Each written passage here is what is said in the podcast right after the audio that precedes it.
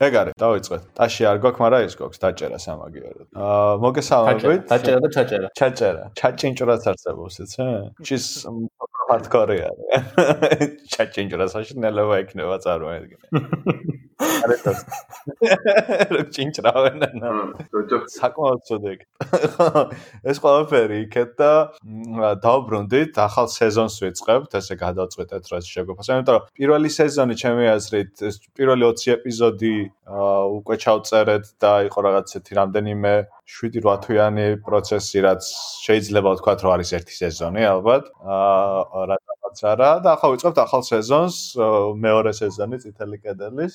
ძალიან კარგია რომ აქამდე მოვედით, უკვე თითქმის ერთი წელი გამოგვივიდა და როგორც გითხარით 20 ეპიზოდი, ბევრი სხვადასხვა რამე, ბევრი სხვადასხვა აქტივობა, ძალიან საინტერესო პერიოდი იყო და იმედი გვაქვს რომ ესე და ესე გავაგრძელებთ და უფრო მეც და მეც მოუმატებთ. ჩვენი სტუმარი იქნება დღეს ახალი სეზონის დასაწყისისთვის გიორგი ღვინჯილია. გესან ერთად დავიწყებთ. ახალ თემებზე საუბრებს. პირველი მნიშვნელოვანი რაც არის ალბათ არის რომ გვინდა ასევე რაღაც დავაანონსოთ არის რომ არჩევნებზე რომელიც მოდის საქართველოში ახლა გვექნება რაღაც სერიასავით შევეცდებით რომ ვისაუბროთ ამ არჩევნებზე ესეთი ძალიან კაკაფონიური სიტუაცია არის რა თქმა უნდა და საინტერესო სიტუაციაც არის, რაღაც ბევრს აქვს ისეთი განცდა, რომ არის რაღაც გარდამტეხი პროცესი, ბევრს ისმის განცდაც აქვს, რომ საერთოდ ესეთი ილუზორულია, რაღაც გარდამტეხის ან ცვლილების მოლოდინი. მოკლედ შევეცდებით, რომ სხვადასხვა მხრიდან შევაფასოთ საქართველოსში ჩასატარებელი არჩევნები და წინასაარჩევნო პროცესი.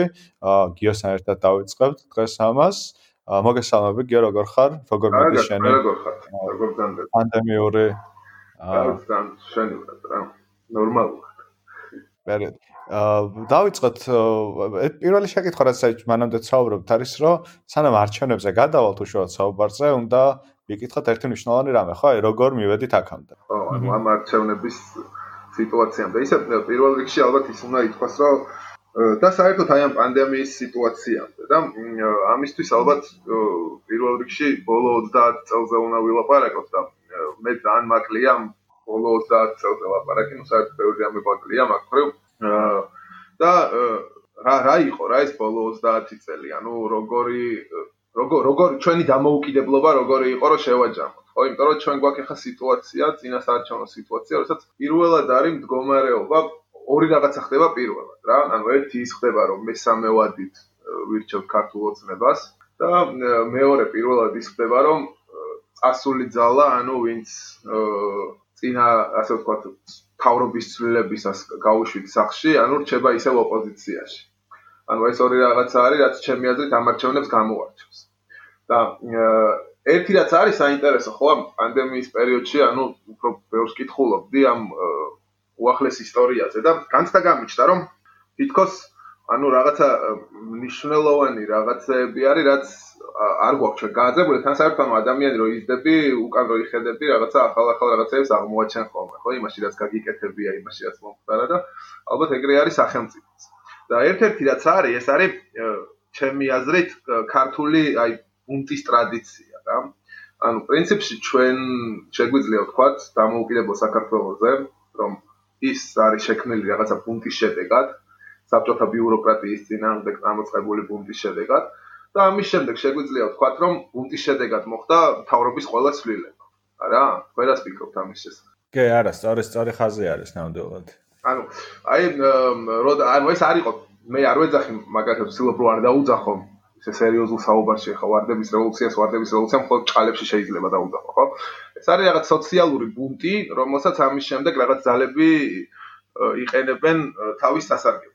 და თითქოს ანუ ამ არჩევნებთან ერთად ხო თავდება რაღაცნაირად აი ამ ყველაზე ახლოს არის ერთი სიტყვით ბიძინა ივანიშვილი. იმასთან რომ აი ეს სოციალური ბუნტით ბუნტით თავრობის ცვლილებების ციკლი დაამთავროს თუ შეიცვალა ხო? ანუ თუ შეიცვალა ქართული ოცნებაში. არა, თუ არ შეიცვალა.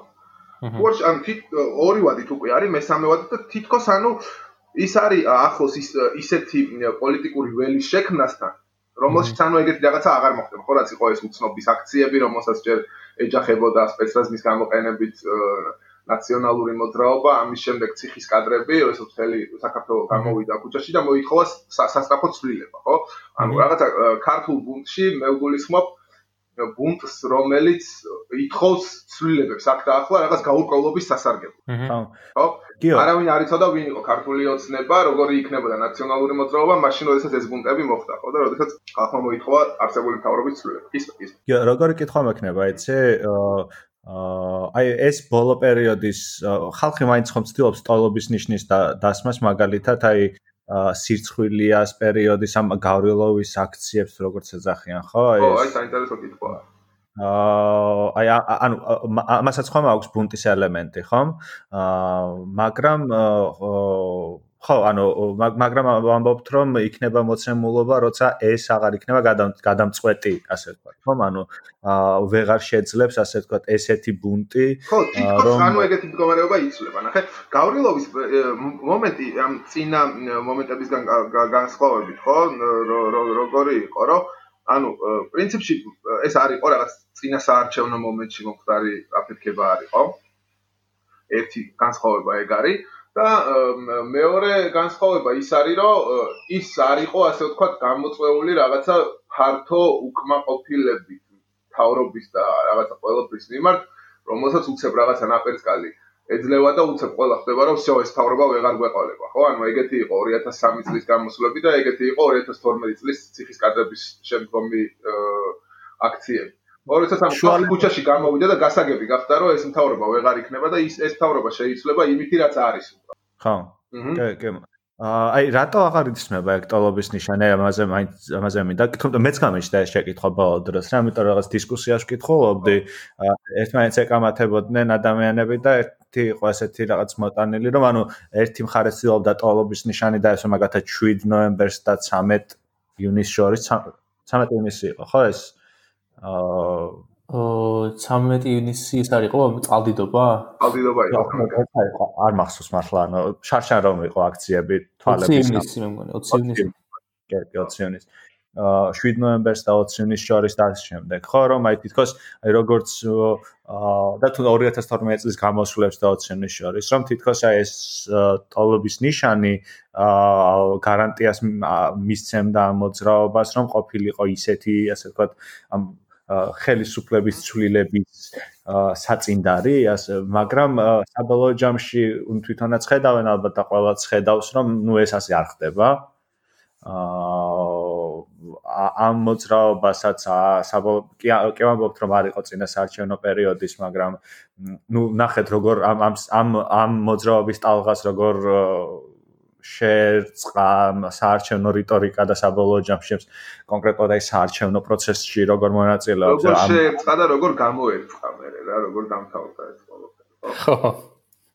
ეგეთი არის იცი რა არის რამდენიმე ხო რა შეიცვალა ესეთი რომ ამტოლობის პირველი რაც შეიცვალა ხო რითიც დავიწყეთ საუბარი რომ წინა ამ სოციალური აფეთქებების შემთხვევაში ხო შეგვიძლია რომ თვითონ აი რესპუბლიკის დაბადებიდან დავიწყოთ, ხო, ეს ეროვნული მოძრაობა არის და სხვა შორის დელუგიას აქ ამაზე დაწერილი და ის იძახის, რომ აი საქართველოს სხვა პოსტსაბჭოთა რესპუბლიკებისგან განსხვავებით ის გაიჭედა რაღაც მესიანურ ციკლებში და ჩვენ ბევრი მოგვისმენია ხო? ეს საუბრები ქართულ მესიანიზმზე, სადაც ანუ ყველა შემდგომი მოდის იმისთვის, რომ ხალხი იხსნას განსაცდელისგან, რაღაცა ბიუროკრატიის რკინის გალიისგან, ანუ დელუგიანი ესე იძახის, ხო, რომ არის რაღაც ბიუროკრატია, რომლის მუშაობა სახელმწიფო ბიუროკრატია, რომლის მუშაობითაც ხალხი არის უკმაყოფილო, ხდება აჯანყება, რომელსაც ანუ სპონტანურად უდგებიან რაღაც ლიდერების სათავეში.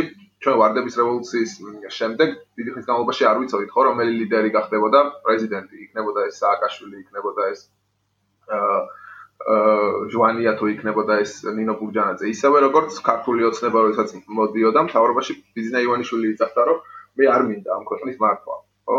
ეს ქვეყანა უნდა მართონ რაღაცნაირად პოლიტიკოსებმა ლიდერებმა ასე შემდეგ ასე თავარი განსხვავება ეხლა რაშიც არის. ან მე ამ მესიანიზმზეც შეიძლება რომ ვისაუბრო თავარი განსხვავება რაშიც არის ეს არის ის რომ ყველა წინა ცვლილების დროს არსებობდა ახალი ძალა რომელიც ჯერ მთავრობაში არ ყოფილა ხა გამართალი ეხლა მოხდა ესეთი რაღაცა რომ ანუ ხო არსებობს ანუ ძალაუფლების გარეველი ხო ძალა ძალაუფლების გარეველში რას გულისხმობ ხო ძალაუფლების შიდა ნაწილი არის მაგალითად ეს ადმინისტრაციული რესურსი, რომელსაც ძალაუფლება იყენებს მთელი თავისი უწყებებით და ასე შემდეგ. არის რაღაც სატელიტური ოპოზიცია, რომელსაც აფინანსებს და ასე შემდეგ და ხალხი ვინც ამის გარეთ რჩებოდა, ხო? აი ეს ხალხი თავისი რაღაც კულტურული ინტელიგენციით, რომლებიც ლიდერობდნენ ამ ხალხს, აკეთებდა ამ აჯანყებებს, ხო? და ეხლა მოხდა ისე, რომ ეს ძალაუფლების გარეველი, ანუ დაიჭირა ნაციონალურმა მოძრაობამ, რომელიც უკვე არის ესეთი პუნქტის შედეგად გაგდებული მთავრობა. ხო? ანუ სინამდვილეში ჩვენ ეხლა არ გვაქვს არჩევანი, ანუ რო დააკვირდე, ხო? ყველა ეს არჩევანი ახალი მთავრობის სასარგებლოდ, რომელიც გაკეთდა, ეს იყო არჩევანი რაღაც გაურკვევლობის სასარგებლოდ. ხო, ჩვენ არ ვიცოდით არც ქართული ოცნების პროგრამა, არც ნაციონალური მოძრაობის პროგრამა, არც ის ვიცოდით როგორები იქნებოდნენ, არც ვიად გამსახურდიასი, არც ის ვიცოდით როგორები იქნებოდნენ ისინი მთავრობაში. აა უბრალოდ ხალხმა იცოდა, რომ არ უნდა ის რაც არის და უნდა რაღაც ახალი. ნო? კი. ეს ახალი აღარ არსებობს. ხო? ეს ახალი აღარ არსებობს და შესაბამისად ანუ ეს ხალხი ვინც არის უკმაყოფილო დარჩენილი ხო ძალიან საინტერესო რაღაცაა რომ გამოკითხებში როგორი რაღაცა ჩანს რომ რაღაცა 40% აძლევს ერთ-ერთი გამოკითხვა იყო იგი 40% აძლევს მას ქართულ ოცნებას თუ რაღაც დაახლოებით ეგეთი და 70% იძახის რომ თავრობა უნდა შეიცვალოს. ანუ 10% იმ ხალხისა ვინც ხარს აძლევს ქართულ ოცნებას. ისინი ამბობენ რომ თავრობა უნდა შეიცვალოს. ხო? მაგრამ არ არსებობს ანუ ასეთი ცვლილების აგენტი, ხო, რომელიც ანუ ან კონკრეტული ცვლილების აგენტი იქნებოდა, ან უბრალოდ ცვლილების აგენტი იქნებოდა, რომ ჩვენ გვეცოდინებოდა, რომ ჩვენ ახლა მივდივართ აი ამ შემდეგი მიმართულებით, რა. და ეს ხაპარტიები ვინც არიან, ვინც იჩემებენ მაგ გარეთ ძალობას და და ცდილობენ ნაციონალურ მოძრაობას არ მიცენ მთლიანად ეს გარეველი და რატო ვერ ახერხებენ ეგენი, აი ლელო იქნება ეს თუ ელისაშვილი თუ ანატოლიძე და ვიღაცები ხო ცდილობენ რომ იდეაში ეგნიშა გამოართვან ნაციონალურ მოძრაობას. იცი, იცი რა არის ამ მანდაც რამდენიმე საკითხი არის. ერთი რომ ანუ რეალურად ჩანს რომ ეს სამკუსასესლოდ დაპირისპირებული იმასთან ბიზინა ივანიშვილთან არის პირველ რიგში სააკაშვილი, ხო? ეს ეს ერთი მეორე ნუ ერთი არაპოპულარული არაპოპულარული ძალებზე არის ხო საუბარი აქ არის საუბარი ბანკის დირექტორზე. ერთი მხრივ მეორე მხრივ რაღაცა მცირე უცნაურ წარმონაქმნებზე რომელსაც ანუ ესეთი ეროვნული ნაციონალური მასშტაბი არ გააჩნიათ რა. და მეორე მხრივ რა არის ახლა საინტერესო რომ აი მე გამიჩნდა განცდა როდესაც ამ ყველაფერს კითხულობდი ამ ისტორიას რომ ყოველთვის ანუ ყველა მთავრობის ამოცანა ხო მიშიზმის ამოცანა ხო იყო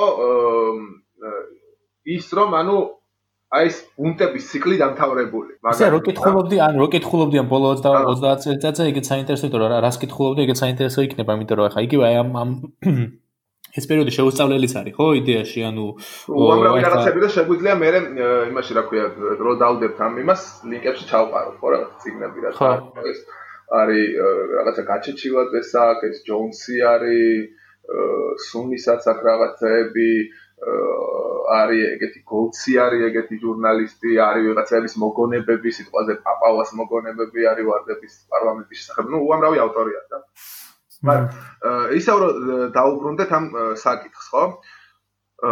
ანუ არსებობს ესეთი ტერმინი, ხო? ეს კარგად ხშირად გვესმის ხოლმე ეს ტერმინი, პოლიტექნოლოგიები, ხო? ეს პოლიტექნოლოგიები ანუ არსებობს ვარაუდი, რომ პრინციპში პოსტსაბჭოთა ექსპორტი არის, ან პოსტსაბჭოთა სივრცეში გამოგონილი რაღაცა არის, რა.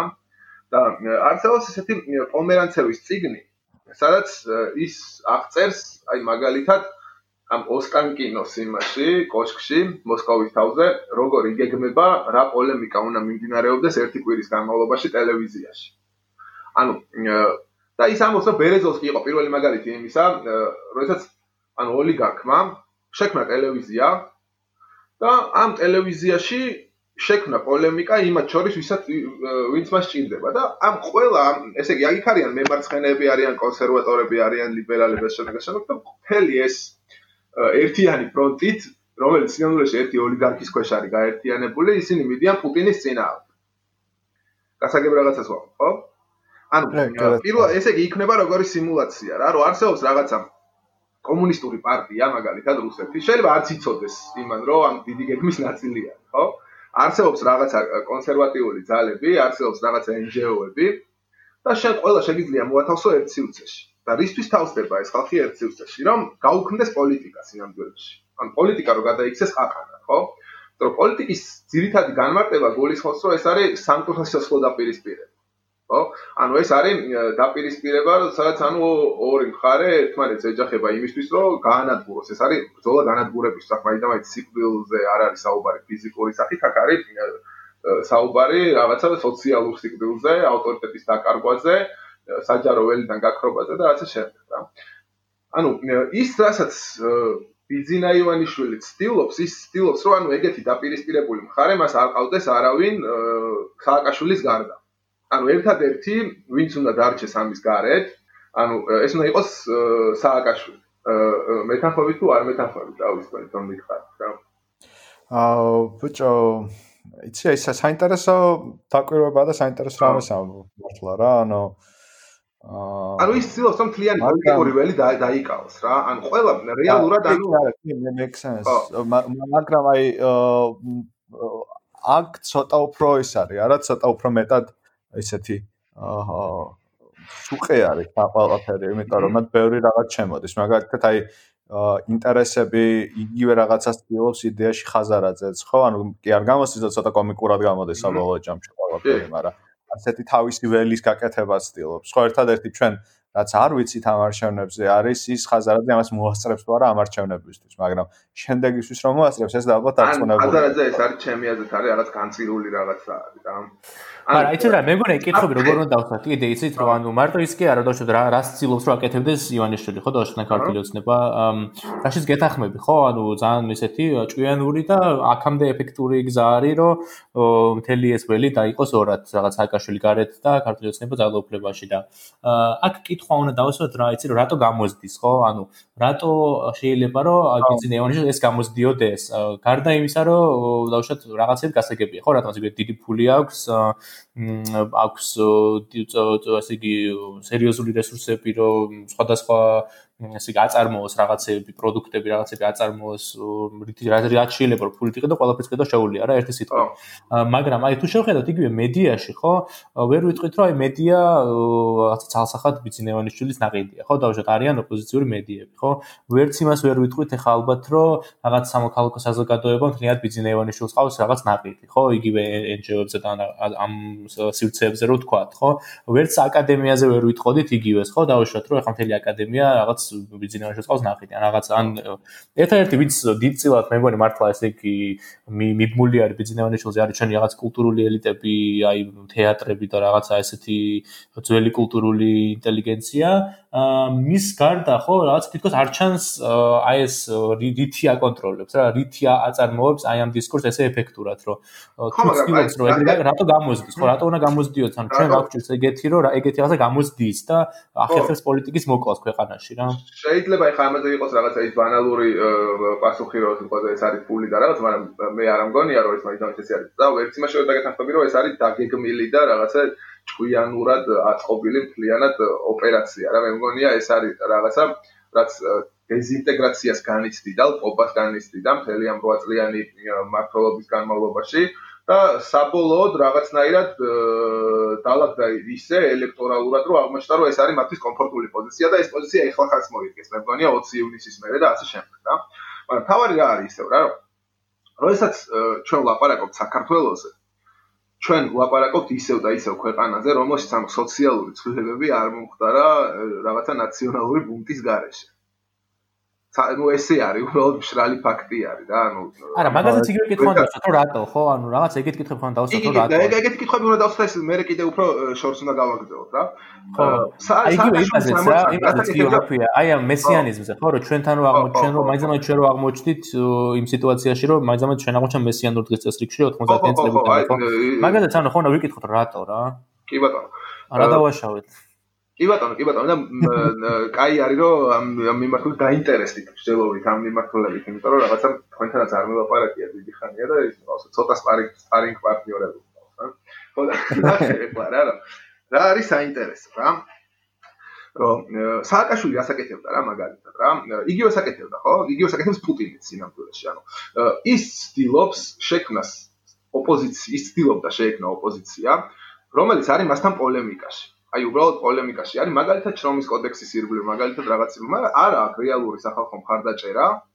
და დამოკიდებული არის ამასთანავე ფინანსურად და მედიაში გამოჩენის მხრივ იმაზე, ვინც არის ძალაუფლების ცენტრი. ხო, ეს არის შეიძლება რუსეთში პუტინი არის, შეიძლება საქართველოს სააკაშვილი იყო მანამდე, ეხლა არის ბიძინა ივანიშვილი რა. და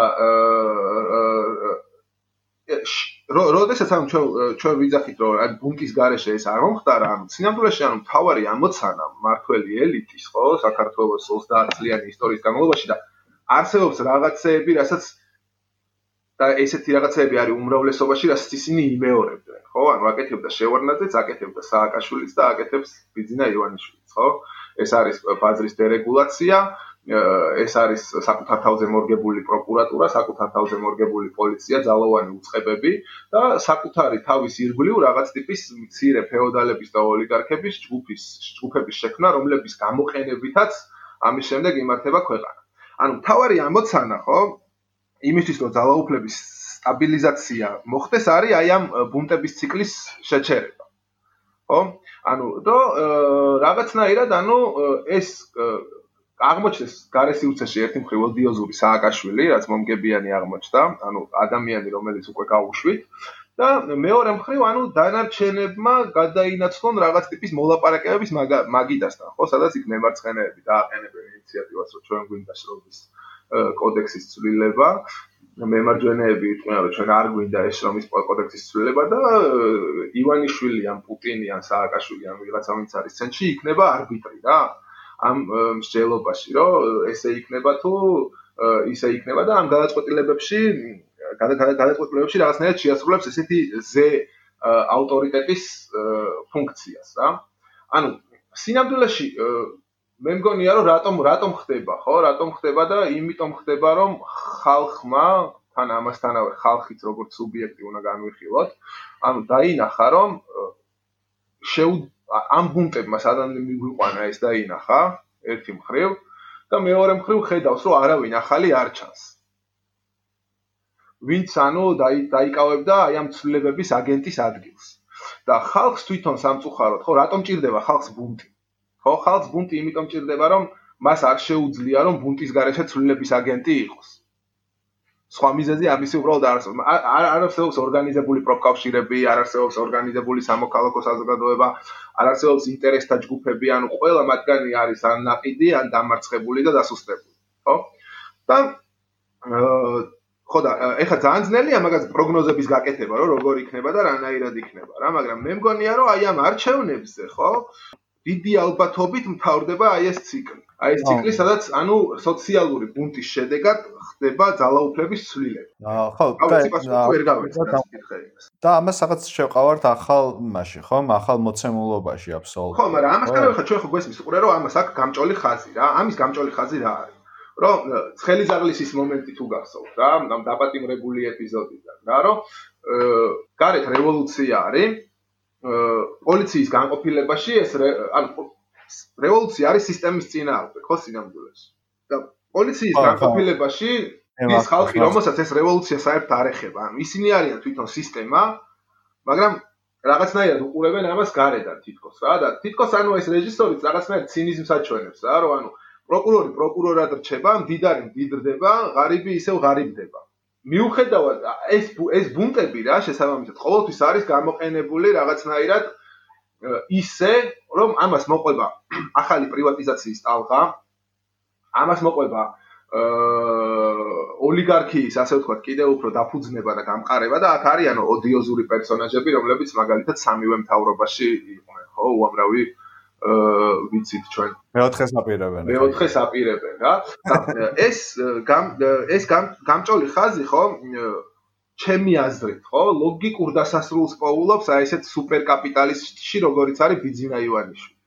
ქვერას ფიქრო.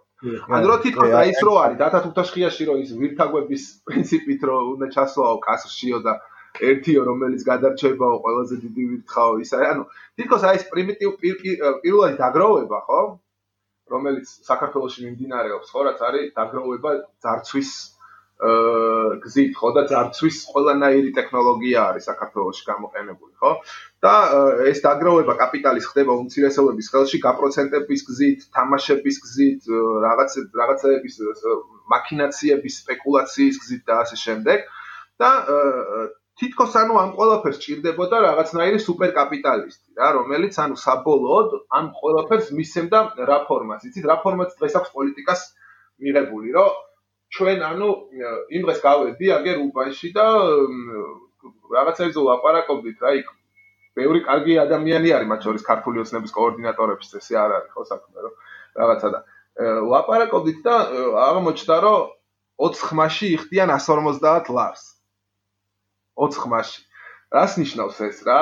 რომ ანუ პოლიტიკამ სინამდვილეში რაღაც ძალიან იაფი ხო არა არ ძალიან იაფია 7 ლარი არის ერთ ხმაზე რას ლაპარაკობ ხო და ეს ნუ ერთი რომ ძალიან იაფი არის მაგრამ ნახე რომ ეხლა რაზე წუწუნებენ ეს ლიბერალური მედია რომელიც ოპოზიციაში დგას რომ ადამიანები არიღებენ გადაწყვეტილებებს დამოუკიდებლად, არიღებენ პოლიტიკურ გადაწყვეტილებებს, ისინი არიან ნაკიდები და ასე შემდეგ.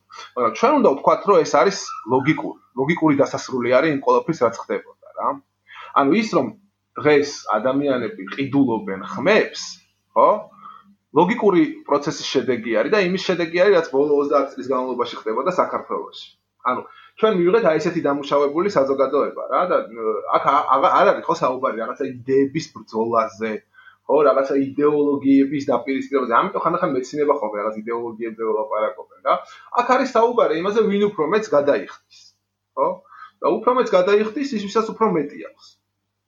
ანუ აი ეს მონეტიზაცია ერთი სიტყვით, ანუ პოლიტიკის მონეტიზაცია მოხდა ბოლომდე რა.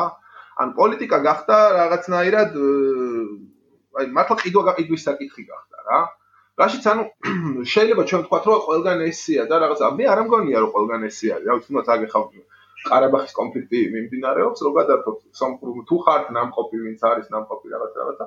ანუ ბევრად უფრო იდეოლოგიზირებული საზოგადოება არის. ანუ ფული მარტო ფული არ ლაპარაკობს. რა თქმა უნდა ფულიც ლაპარაკობს. არა? მაგრამ პოლიტიკის ან მთლიანად მონეტიზაცია და რაღაცა კაპიტალიზაცია არ არის იქ მომხდარი რა ჩვენ ეს არ არის ბიტნაივანი კომისიის მათ შორის ანუ მე მივდივართ როგორ კითხებამდე იცი რატო არის მაგალითად სომხეთში რო არის 140 დოლარი მინიმალური ხელფასი ჩვენთან არის 20 ლარი ხო? რატო არის რომ სომხეთში ბანკის პროცენტი არის ბევრად დაბალი ვიდრე საქართველოში რატომ არის რომ იქ სომხეთში მაგალითად ახალ შექმნილ წყულს ეხმარებიან და იმიტომ თანასწორობა არის. უფრო დაბალი ხო? ხო ხო იმიტომ არის იმიტომ არის რომ ჩვენ ვხედავთ ანუ ერთი მხრივ აი ამ ხალხის განწირულ მცდელობებს რომ რაღაცა ბუნკი მოხდეს და ცვლილება მოხდეს და ამ ბუნტების გამოყენებას საბოლოოდ აი ნეოლიბერალური ელიტის მიერ, რომელიც კიდევ ერთ პრივატიზაციის ტალღას აანონსებს, კიდევ ერთ დერეგულაციის ტალღას აანონსებს და ახალ ოლიგარქიულ ჯგუფებს ქმნის თავის ირგვლივ რა. ამაზე თქვა საუბარი სომხეთის ეპიზოდზე სხვათა შორის, მაგრამ გავიხსენოთ, რომ იქაც ერთ-ერთი, ესე იგი, რაც ჩვენ სტუმარმა მაშინ გითხარო, დიდი განსხვავება არის ვარდების რევოლუციასა და ფაშინის რევოლუციას შორის, არის ის, რომ ფაშინიანი არ არ ყოფილა ძალაუფლების ნაწილი რევოლუციამდე განსხვავებით რანია ბურჯანაძე სააკაშვილის ხო აჰა აჰა აჰა ის იყო და როცა სრულიად ახალი ხალხი მოვიდა ესე იგი მაშინ ფაშინიანის მოსვლასთან ერთად და რო ეს კაცი მარტო იყო და მიღმა იყო ყველანაირი პოლიტიკური თუ ეკონომიკური რაღაც ელიტური სტრუქტურების. რა ხო იქ ირონიული რა არის რომ ეხა იქ კი მოხდა ეს პუნქტი რომელიც საბოლოო ჯამში შეიძლება უფრო ის იყო რა ქვია არ იყო რა ამ ელიტებით ეს რაღაც ნაწარმოები ან ელიტური ძალებით. თუმცა იმასაც მოყვა ეხლა როგორც მე მესმის ხმები რა იგივე პროგრესული გადასახადს აუქმებს ფაშინიანი და მუშაობის შემწეობა რომელიც აქამდე არსებობდა სომხეთში აწი აღარ იარსებებს და მოკეთ იქაც ხო თვათ კარგად არ არის საქმე მაგრამ თვათ ისე მართლა არ ჩანს როგორც ჩვენთან არის რომ მართლა მიღმა არის შინაარსისგან თლიანად დაცლილი არის დაუშვათ ხო არა სომხეთში არის ძლიერი ეროვნული ინტერესების განცდა, რაღაც ნაციონალური ინტერესების განცდა რომელზეც ანუ ნებისმიერ ადამიანს გაუჭirdება გადაბიჭება რა. და მე არ მგონია რომ საქართველოსში ამ თქვა ეგეთი სიტუაცია რაღაცა ის ანტირუსული აფექტი არსებობს ერთი. ну რამდენიმე საკითხი შეიძლება არსებობს, მაგრამ ეს არის ბევრად უფრო მოშლილი იდეოლოგიური აპარატი. ამასთანავე ხო სომხეთში, სომხეთისგან და აზერბაიჯანისგან განსხვავებით რა. ну ალბათ 90-იანებში უნდა დავუმდეთ მე, მაგრამ რაღაცნაირად ამას შევაჯამებ და მე დღევანდელ არჩევნებზეც გადავიდეთ, რა რომ სომხეთში ყარაბაღის პირველ კონფლიქტთან ერთად, ხო, ძალაუფლება აიღო რაღაც ტრადიციულმა კონსერვატიულმა სომხურმა მილიტარისტულმა სამხედრო ელიტამ, რომელსაც ანუ პრინციპში შეიძლება ადამიანები იცვლებიან, მაგრამ ანუ ამ კასტას, ხო, გამარჯვებული ომის ფონზე, ხო, ჩვენ ხო დამარცხებული ომი გქონდა და იმათ გამარჯვებული ომი გქონდა, ხო? ამ კასტას ძალაუფლება რაღაცნაირად ეჭირა და ეს მესიანური ციკლები და იყო რა თქმა უნდა სოციალ გამოსვლები, ის რა ქვია ელექტროენერგიის ტარიფები ასე შემდეგ და შემდეგ, მაგრამ ის მომენტი არ ყოფილა რომ გამოდივართ და ყველაფერი უნდა შეიცვალოს. პირველად მოხდა პაშენიანის შემთხვევაში, ხო? და თითქმის იგივე სიტუაცია გამეორდა, მაგრამ ბევრი განსხვავებებით, რა თქმა უნდა, იმიტომ რომ ეს ესეთი ველური დერეგულაციაც როგორც ვიცი ჯერჯერობით ხდება და ამასთანავე რაღაცა ნაციონალისტური მომენტებიდან გამომდინარე, ეს ერთ აზერბაიჯანის შემთხვევაში, აზერბაიჯანის შემთხვევაში პირდაპირ გადაიბარა შვილმა და იგივე ტრადიციული ელიტა დარჩა, ხო? რომელიც იყო უბრალოდ კაპიტალიზმში გადაინაცვლეს, რა. საქართველოს შემთხვევაში მოხდა ესეთი რამ, რომ ბუნტის შედეგად, ანუ არსებობს ასე ვთქვათ, საბჭოთა ნომენკლატურა, საბჭოთა პარტიული ელიტა, რომელიც მართავს ქვეყანას, ხო?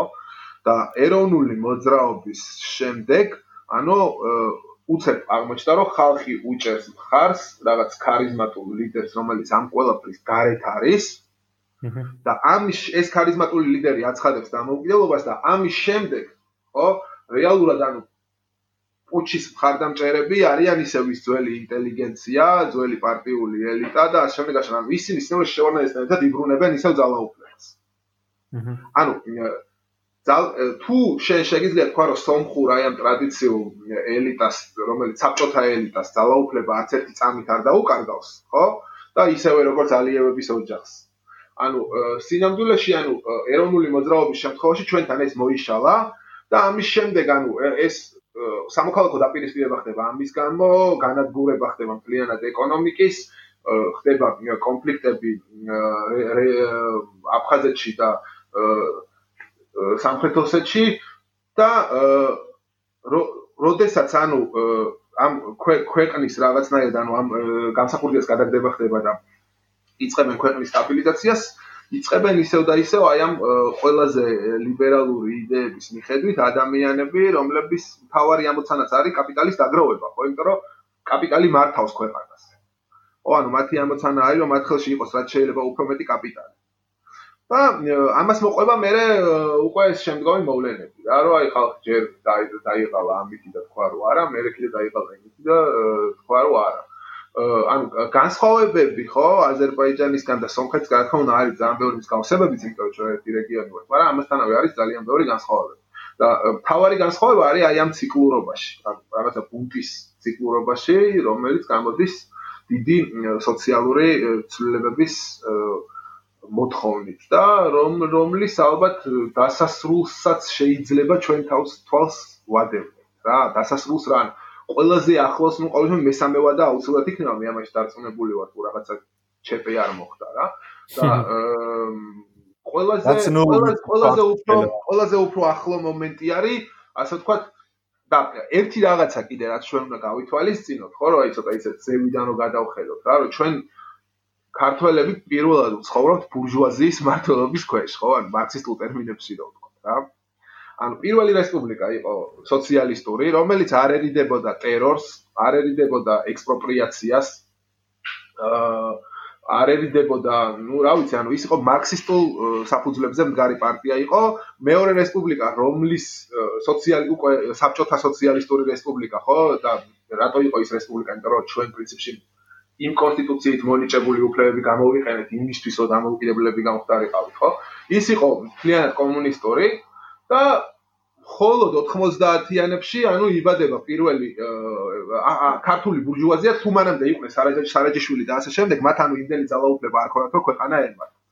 ანუ ჩვენ ახლა დღესაც უყურებთ, ხო, ბიძინა ივანიშვილი, აა შეგიძლია ჩამოთვალო ეს ბადრი პატარკაციშვილი, ოლიგა ხაზარაძე, სააკაშვილი, კეზერაშვილი, ასე შემდეგ, ასე შემდეგ, ხო?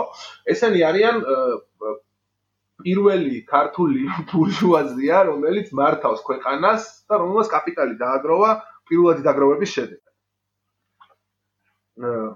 არა? ხო, ну პირველად დაგროვება არ ვიცი, ხამდე თქვი ამას, ამათ მაინც პრო პრივატიზაციით უკვე დაგროვებული დაიპატრონი. დალი დაიპატრონეს, კი, კი. ხო, ანუ არ ვიტყოდი რომ ეხლა უშუალოდ არ არსებობდა ეს ღირებულება, ამათმა შექმნეს კაპიტალისტური ღირებულება, უკვე იყო რაღაცა დაიპატრონენ პრივატიზაციით. ხო, მაგრამ ესეც ესეც ესეც ის არის, ამათმა პირველად დაგროვება უშუალოდ შექმნას ხო არ გულისხმობს, ის გულისხმობს მათ შორის დაუფლებას, ხო? ის გულისხმობს დაუფლებას, ხალხის ძინდიდრეზე დაუფლებას, ხო? ხალხის აგროვება ჩამორთვევით გამოდის ესა ნამდვილად რა ეს ო რა და მის გადაქცევას რაღაც ცენტრალიზებულ კაპიტალად უმცირესობის ხელში რომელიც ანუ მთლიან ეროვნულ ეკონომიკას აძლევს მიმართულებას. ხო რომ ჩვენ გვინდა კაზინო ჩვენ გვინდა ბანკში ამდენი პროცენტი ესეთი გადასახადები გვინდა ესეთი ის გვინდა ესეთი ეს გვინდა რა. და რა რაღაცნაირად ანუ ესეც ისეთი მნიშვნელოვანი ცვლადი არის რა რომ ძალიან მნიშვნელოვანი ცვლადი არის და ძალიან მნიშვნელოვანი ცვლადი არის რომ ფუნდამენტური არის ჩვენი ელიტების ფორმაციისთვის პრივატიზაცია და შემთხვევითი არ არის რომ თავარი ოპოზიციური ხა დაპირებაც არის მეტი პრივატიზაცია ხო? და ამაზე შეგვიძლია ფორისტოდ ვისაუბროთ რომ აი თუ ნახეთ გონზო ვიცი რომ შენც შოკირებული ხარ რადიკალიზმის სიმდონით რაც გვაქვს შემოთავაზებაში ყველაფრის პრივატიზაციის სიასთან დაკავშირებით რომ მთელი კომპანია გადანაწილდეს.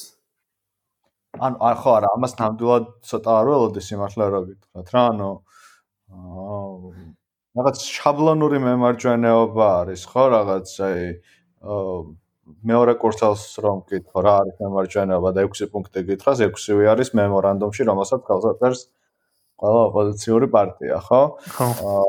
აი ერთ ჩანს ფრენცგან დაშეფასებული კარგად რომ პროდასავლურს იმიტომ ეძახიან აბა თავის თავს რომ თურმე ველურ დასავლეთს გვთავაზობენო რა აი დაახლოებით ამ ამ დონის რაღაც არის, რომ რომ უნდა გაიქცე და მიწას რომ დროშა უნდა დაარჭო და ეს რა მართლა პირველად დაგროვება რა, ნუ დროშა უნდა დაარჭო და ეს მიწა რომ შენია მე რა, ხო? ის გემებით რომ მოსულიყო რა, თეთრი აფრებით და მე აი ეგეთ. ეგეთი პროგრამით არის. დაპირდა, ანუ გითხრა რომ ეს სახურავი შენ თუ არ არის შენი, აი ჩემია. ხო, და ხო, ჩემია, დამთავრდა. და აა იქ ბევრი რაღაც არის კიდე თან სხვა შორის რომელსაც აი ამ პრივატიზაციის მიღმა არის ძალიან საშიში, ხო? მაგალითად ეს ეგრეთ წოდებული ეს white collar crime-ის დეკრიმინალიზაცია, ხო? აა ეს ქართულად როგორ შევაფასოთ, როგორ თქვა თა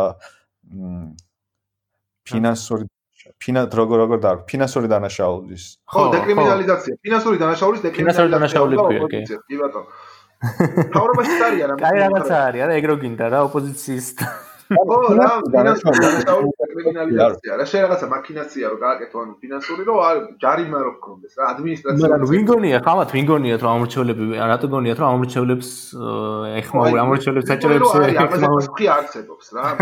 რა რა ვთქვით ჩვენ რომ ერთი ხმა ღირს 7 ლარი ხო? ესეთი სტავკაა რა ყოველი საფრთხის და იმათ არა აქვს თქვენი ფული და ესეთ რაღაცა. სინამდვილეში სინამდვილეში ხო? როდესაც ჩვენ ლაპარაკობთ აი რაღაცა ალიანსები ხო კეთდება საარჩევნო, აი მაგალითად რა ვიცი ხო ბრიტანული მაგალითები იცი ამერიკული იცი რაღაცა ასოციაციებს შორის, რაღაცა პროფკავშირებს შორის ასე შემდეგ ასე შემდეგ.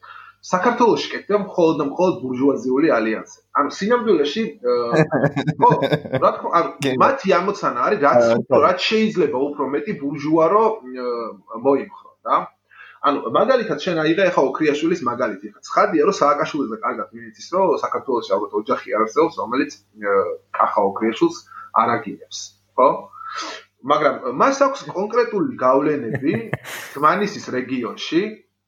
აქვს ბიზნესი დიდი, აქვს კაპიტალი და ყავს ანუ ადამიანების ჯგუფები, რომლების გამოყენებითაც მას შეუძლია ოპერირება კონკრეტულ რეგიონში, იმისთვის რომ იბრძოლოს მაჟორიტარობისთვის. ხო, ანუ ამ ფულს რო ძარცვავს ის, იქ ვიღაცა ოჯახებს ხო ახმას ხო მიაქვს ხო? თავისთან სოროში რა? ხო ისევ ისეთ იმაზე რო წავიდე შენ ანუ შენი ამოცანა ხო? აქ არის ამოცანა რა ვის რამდენი ყავს დასაქმებული? ვის რა გავლენები აქვს იქ სადაც ცხოვრობს? და აი ესეთი სუბიექტები არის რაც შეიძლება მეტი საჭირო ხო ანუ ესე ვთქვა, იმაზე კრიმინალურ სლენგზე რო ვთქვა, ანუ რაღაცა პალაჟენეცები რო გადმოიბირო რა. ეს ესენი არიან ანუ ადამიანები, ვისაც დაგროვებული აქვს კაპიტალი. ანუ სინამდვილეში ხო, ის ის ის ხალხი ხო ოპოზიციაშიც და პოზიციაშიც ანუ პრაგმატულად უყურებს ამ საკითხს და ცდილობს აი ამ ბურჟუაზიული ალიანსების შექმნას. ანუ იმიტომ რომ პოლიტიკა საქართველოში დღესდღეობით, ხო, ასე კეთდება. ხო არა მართლა უცნაური არის ხო ანუ ვის ესაუბრებ ანუ ვისა ჩადენილი ხა ჩვენთან ეს ფინანსური დანაშაული ხო ანუ ჩვეულებრივი ადამიანის პრობლემა ხო არ არის სათქევა არ არის ხო ფინანსური დანაშაულის კრიმინალიზება ხო ანუ როცა ოპოზიცია გამოდის ეგეთი დაპირები ცადიმი ვის ესაუბრება ხო. ამ ამასთანავე ის ესა ერთი მხრივ ელაპარაკება აი ამ ჯგუფებს ხო ქრიაშვილის კალიბრის ეს მაგრამ ამასთანავე ის ესაუბრება პატარა მაღაზიებს პატარა კაფეებს, პატარა დისტრიბუციო, სადისტრიბუციო ფირმებს, ადამიანებს, რომლებიც აქირავებენ რაღაცას, ხო, ვისაც გადასახადებთან აქ საქმე და ამ გადასახადებით უკმაყოფილო არის, ხო? ანუ პრინციპში აი ეს კასტა, ხო, აი ეს კასტა რა, რომელიც რაღაც ტიპის ეკონომიკურ აქტივობას ქმნის. აი ეს კასტა განსაზღვრავს დღეს პოლიტიკას საქართველოს. გიო, აა რაც რაც ამინდა და ერთ ერთი რაღაც თქვი შენ ცოტა ხნის, რასაც ცოტა ხანი მინდა მოუბრუნდეთ, თუ შეიძლება და აქედან გამომდინარე გავაგზავნოთ ჩვენი ეს მსჯელობაც რა. ძალიან საინტერესო რამე რაც გვიყოს, რომ ბიძინა ივანიშვილი როგორც ასე ვთქვათ, სუპერკაპიტალისტი, ხო? რომელიც არის მიღმა საერთოდ ამ ქართული აკუმულირების, იმიტომ რომ ნუ ხო ხო თან ლიმიტი კაპიტალის ლიმიტი ვიცით რომ ხო კაპიტალის ლიმიტი რაც შეიძლება იყოს ამ აკუმულირების პერიოდში განსაკუთრებით არის ხო ეს გეოგრაფია და პოპულაცია ხო ანუ საქართველოს აქვს ასე ვთქვათ თავისი ლიმიტირებული გეოგრაფია, ლიმიტირებული პოპულაცია და ლიმიტირებული რესურსი შესაბამისად რაც მასში კაპიტალის დაგროვებას ასე ვთქვათ გარკვეულწილად რაღაც ეტაპზე აკონსერვებს ხო? აა ტაივანიშვილი არის ამ პოპულაციის და გეოგრაფიის ლიმიტს მიღმა ხო? მე მეტყვი რომ მისი კაპიტალი გაცილებით უფრო დიდ ველზეა გაშლილი. საბამისად, ანუ ურუგვაიმდე ჩადის, ურუგვაიმდე. ანუ საქართველოში ფაქტობრივად შეუძლებელია რაღაც ალბათ 50 წლის განმავლობაში ისევ ამბობ. ხო, მაგდენი ფულის დაგროვება, ხო? რომ ამდენი ფული ვინმე დააგროვოს, ხო? ხო, ანუ მის მის მისი კონკურენტი დიდი ხანი არ გაჩნდება როგორც სუპერკაპიტალისტის. საქართველოში, ხო?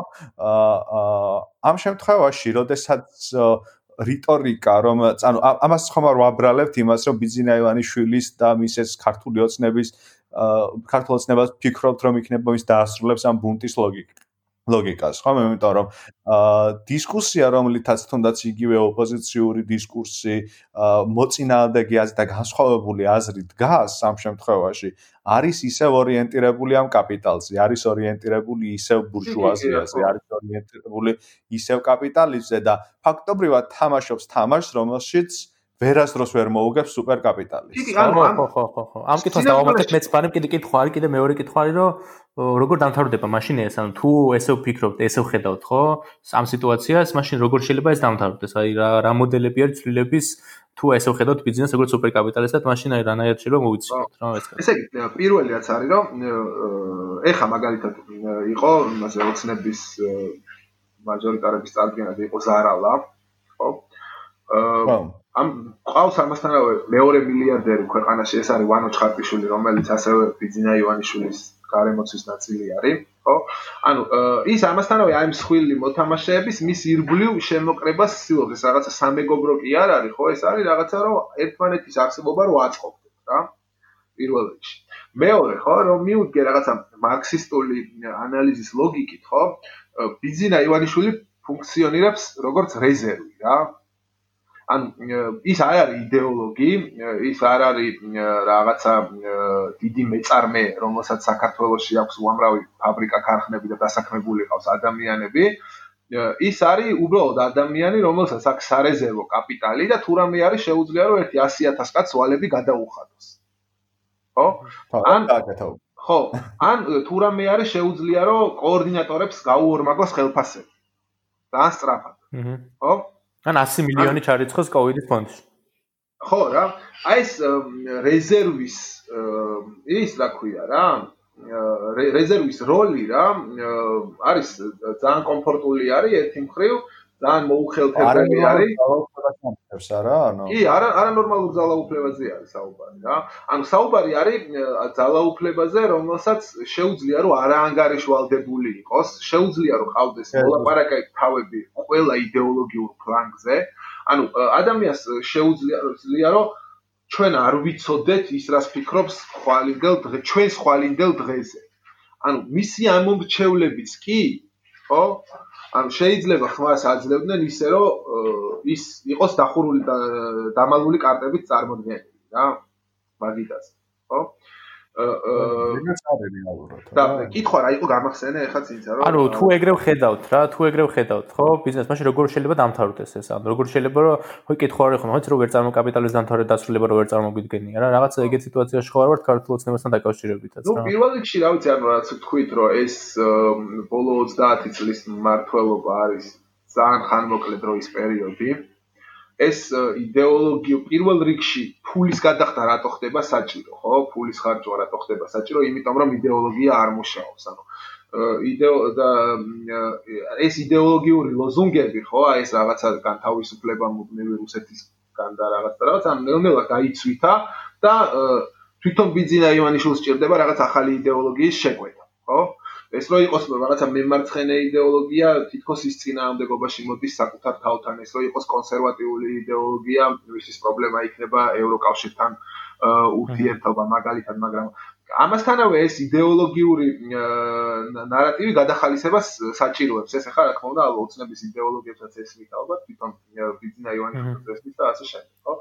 მეორე, ხო? მეორე არის რა, რომ საჭირო არის, ანუ რაღაც ტიპის სტაბილური ორგანიზაციების შექმნა, ხო? და აი ამ ძალაუფლების გარენაწილის, გარენაწილის რაღაცნაირად დაკავება, ხო? და მათ შორის კონტრკულტურის შექმნა, ხო? მე მგონია რომ შემდეგი 4 წელი ეს არის მათ შორის ანუ კონტრკულტურისთვის, კონტრკულტურის ანუ ასე ვთქვათ მისი ჭეშმარიტი გაგებით და არა რაღაცა მიშაზე მიმაგრებული კონტრკულტურის ან ლიბერალიზმზე მიმაგრებული კონტრკულტურის, ხო, რომელიც თვითონ ცდილობს საკუთარი ადგილი იპოვოს და э, ილაპარაკოს იმაზე, რაც თქვა ხალხს ტკივა და э, ხალხს აწუხებს და ასე შემდეგ რა. ანუ э, თუ აი ეს მომენტი ხო, რომელიც ანუ ამასთანავე რაღაც საკმარისად ძლიერი идеოლოგიური მუხტით იქნება წარმოდგენილი იმისთვის რომ ანუ პოდკასტები უნდა ჩავწეროთ ხო? დაახლოებით ეგრე გავიგებთ. კონკრეტული ანუ პოდკასტები უნდა ჩავწეროთ მე არა არა რა შეიძლება ეს მაინდი კონტრკულტურა. არა, არა, პოდკასტები არა, მუსიკა, ეს ის რაღაცა ყველაფერი ერთად რა, მაგრამ ნუ ყოველ შემთხვევაში სამ პრინციპი რაში არის რა, რომ საჭირო არის ორგანიზაცია, ორგანიზებული ერთობა, რომელსაც შეუძლია რომ ამ ყველაფრის გარეთ იარსებოს. ან თუ არ შეიქმნება ორგანიზებული ერთობა, რომელსაც შეუძლია რომ ამ ყველაფრის გარეთ იარსებოს, მაშინ იქნება კიდევ ბიზნა, ბიზნა, ბიზნა, ან იქნება ბიზნეს შემდეგი პროექტი, ან იქნება მიშა. ო ეს და ეს ორგანიზაციული სტრუქტურა როგორ უნდა გაჩნდეს? თავშოთ ან რა უშლის ახლა ხელს ხო? ან რა იქნება საჭირო მისი შექმნისთვის? მ ნუ პირველ რიგში ჩემი აზრით ის უშლის ხელს რომ ანუ აი ამ ესეთ ორგანიზაციულ სტრუქტურას ჩვენ წინა იმაზე გქონდა მაშინ საუბარი ამ ხროშის ციგნის შესახებ, ხო? ქმნის რაღაცა ახალი ინტელიგენცია, ახალგაზრდა ადამიანების და ასე შემდეგ სახით, რომელიც ანუ უკმაყოფილო არის იმით, რაც არის და მზად არის, რომ თავგანწირვით იბრძოლოს ამის წინააღმდეგ. ხო? ჩვენ ანუ ასეთი ინტელიგენცია აღარ ყავს. ჩვენ ყავს აპროპრიირებული, შეთვისებული, კოოპტირებული ახალგაზრდები, რომლებიც ანუ პრინციპში ამ დღის წესრიგში თავსდებიან ძალიან კომფორტულად, მათი დიდი ნაწილი. ხო? დანარჩენებს უბრალოდ ფიქრი უწევს გადარჩენაზე, მუშაობაზე. ბევრმა ეხა სამსახური დაკარგა იმის გამო, რომ თქვა ბარებში მუშაობენ, ხო? აა და საჭირო არის, რა თქმა უნდა, ასეთი идеოლოგიური ბირთვი. მ ასეთი идеოლოგიური ბირთვის გარეშე ეს ვერ მოხდა. მე მგონია რომ მაგალითად ანუ აი ეს ალტ ინფოს ამბავი ხო რომ რომელიც თქო ფინანსდება საიდანაც ფინანსდება იქიდან რაღაც რაღაცა. მაგრამ აი ეს არის მემარჯვენე მაგალითი იმისი თუ როგორ შეიძლება მოახერხოს რაღაც ადამიანების ჯგუფმა ეგეთი ცენტრის შექმნა. უნდა ნუ ბევრი პრობლემები აქვს ჩემი აზრით ძალიან შორს ვერ წავალ მაგრამ ეგ კიდე ცალკე საკითხი არის რა. აჰა ანუ ასე ვქოთ მე მოვაწვევი ჩემს იმას ვქოთ წინაჩვენებას, იმის წინაჩვენებას და იმის წინის წინაჩვენებას და შემდეგ ჩვენებაზე სამჩვენებას მივაწვევ. რო ახალგაზრდები, რო ახალგაზრდები არის ეს, ხო? სხვა გზა არ არის, სხვა გზა არ არის. ანუ აქ ახალი, იმიტომ რომ აქ ახალი იდეების მქონე, ახალი რაღაც ინტელიგენცია არის საჭირო, რომელსაც თან თავგან წირვით ბრძოლა შეუძლია. სამკუთხედს ხო ბრძოლაში შეუძლია ყოფნა რა. აჰა. ვიღაცა რაღაცებს ლამაზად ლაპარაკობს, რაღაცა რაღაცა აღარ არის ისეთი საინტერესო. და რატო არ ხედავ დავუშვათ იგივე სხვა თაობის სხვა თაობებს რა როლი აქვს თამაში, ხო? ჩვენ მშობლების თაობას დავუშვათ. აა თუ ისინი განწერული არიან ინერ რაღაც ინერტულ ინერტული პასიური როლი. ჩვენ მშობლების თაობაში თუ არის იმის საშუალება რაღაც ისეთი ახალი იდეები დაიბადოს და ახალი იდეები ბევრი არ არის, სულ რამდენიმე ისე ჩამოსათვლელი არის. თუ თქვათ მათ შეუძლიათ რომ შექმნან ახალი პერსპექტივა მათ შორის უკანასკნელ 30 წელზე, ხო? ამას მინიმუმ უნდა აკმაყოფილებდეს ეს ძალა, რომელსაც ამისი გამოცვლა უნდა. ხო? რომ პასუხს ხო უნდა პასუხობდეს იმ კითხვას, რომ ამ 30 წლის განმავლობაში რა მეორდება? რამ გაგვაუბედურა ჩვენ ესე რამ დაგვა. რა თქმა უნდა, კი ბატონო, თავისუფლად რა, მაგრამ მე უფრო რეალისტურად უყურებ და მგონია, რომ ესეთი ძალები ალბათ არ არსებობს რა და პოტენციალი ამისი უნდა გაჩნდეს რა სადღაც რა უფროსთაობაში თუ იქნება მე მე ასე თქვა რიგი ჯარის კაცად მზად ვარ რომ ყველგან ვიო რა სადაც მამაკაც დავინა კონდო შეიძლება ჩავნებს ხო არ გავაგზავნე იცი რა მე ერთადერთი რას არ ვეთანხმები იცი გეო სიმართლე რა გითხრა სულ არის ეს ჩემი აზრით გადამეტებული ნდობა ახალ ახალგაზრდების საქართველოში. ერთ-ერთი ამ იმპულსური პრობლემა თაგანი რომელიც გვაქვს ამ ასე პუნქტზე დამყარებულ საზოგადოებას როცა ამბობ, სადაც ამბობ ამბობ. აა იქაც უნდა ვთქვათ ეს ახალგაზრდების მოლოდინი, ხო იცი? აა განსაკუთრებით რო აცხადებენ ხოლმე ყველა აქცია, სტუდენტები შემოგვიერთდნენ, ხო? ახალგაზრდებო თქვენიც. იცი? ანუ რამდენადაც პუნქტზე დამყარებულმა საზოგადოებამ და პუნქტზე დამყარებულმა ცვლილებამ აა არ გაამართლა, ასე ვთქვათ. იმდენად არ გაამართლა ახალგაზრდების იმედ, მათ ჩემი აზრით. ახალგაზრდების იმედ აბსოლუტურად არ გაამართლა, მაგრამ ნახე მე რაც გულისხმობ. თანახედრი არის ერთ ერთად მოდის ეგ ორი. არა, რევოლუციაც ხო ქონდა ისა, ხაზი. ხო, ხო, ხო, იმიტომ ჯერ ყოველ სოფლიოში არ მხოლოდ აქ რა. ანუ პრინციპი რაში არის, ხო? ხა რომ მიუდგე ისევ ის რაღაცა ჩვენი თეორიული მეთოდოლოგიის გამოყენებით ეს არის ერთი მხრივ, ანუ ადამიანები, რომლებიც არ არიან დამუშავებული არსებული იდეოლოგიური და კაპიტალისტური თუ რაც გინდა რა ამ აპარატ სისტემის მიერ და მეორე მხრივ არიან უკმაყოფილოები და ამ დამუშავებას ეწინააღმდეგებიან, ხო? და თუ შენ ეს ეს იგულისხმება ახალი იდეების მქონე ახალგაზრდებში, ხო? და ან რა თუ შენ უბრალოდ ეს დაიყვანი ახალგაზრდობამდე, ხო? მაშინ შეიძლება რა თქმა უნდა ეს ეს ეს ესეთი ტიპები მიიღო, ხო, რომლებიც ანუ სულად ლიბერალურად არიან დამუშავებულები. და არიან გამეორების გამეორების გამეორების გამეორება არიან, რა. აი, ამაში ეს ახლა მე კიდევ ერთხელ მეკითხა ცირე ერისთვის, რომელსაც გამოფიტულისთვის, რომელსაც ამ სოციალური რესურსები ძალიან ცოტა აქვს რა, ახალი სისხლი ძალიან მნიშვნელოვანი არის რა და ახალი იდეები ძალიან მნიშვნელოვანი არის და მე ამიტომ მაინც ამ რო დაუბერდები მეც მაგ ახალგაზრდებს გავიმეორო. კი, ხო. ამასთან ერთად აი ძალიან დიდი პრობლემა არ არის, აი რასაც ეძახიან ეს ეგრეთ წოდებული brain drain, ხო? ანუ ეს გადინება ქვეყნის, კი, ხო, რასაც აი ვადევნებ თვალს, რომ მუდმივად თან ანუ ეს ბოლო პერიოდში განსაკუთრებით იმატებს ხო? ანუ ჩემს ერთ-ერთ მეგობრს ველაპარაკებოდი ცოტა ხნის წინ და ესეთი ძალიან სევდიანი რამე მითხრა რომ რაღაც 10 მეგობრიდან ვიწყავ და 6 თვეში 6 წავიდაო უკვე ხო?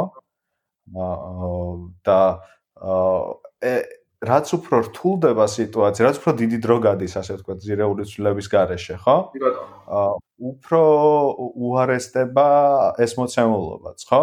ანუ უფრო და უფრო მეტი ადამიანი წყვეტს, რომ დატოვოს საერთოდ ქვეყანა აა და აღარ მოbrunდეს საერთოდ არასდროს, ხო?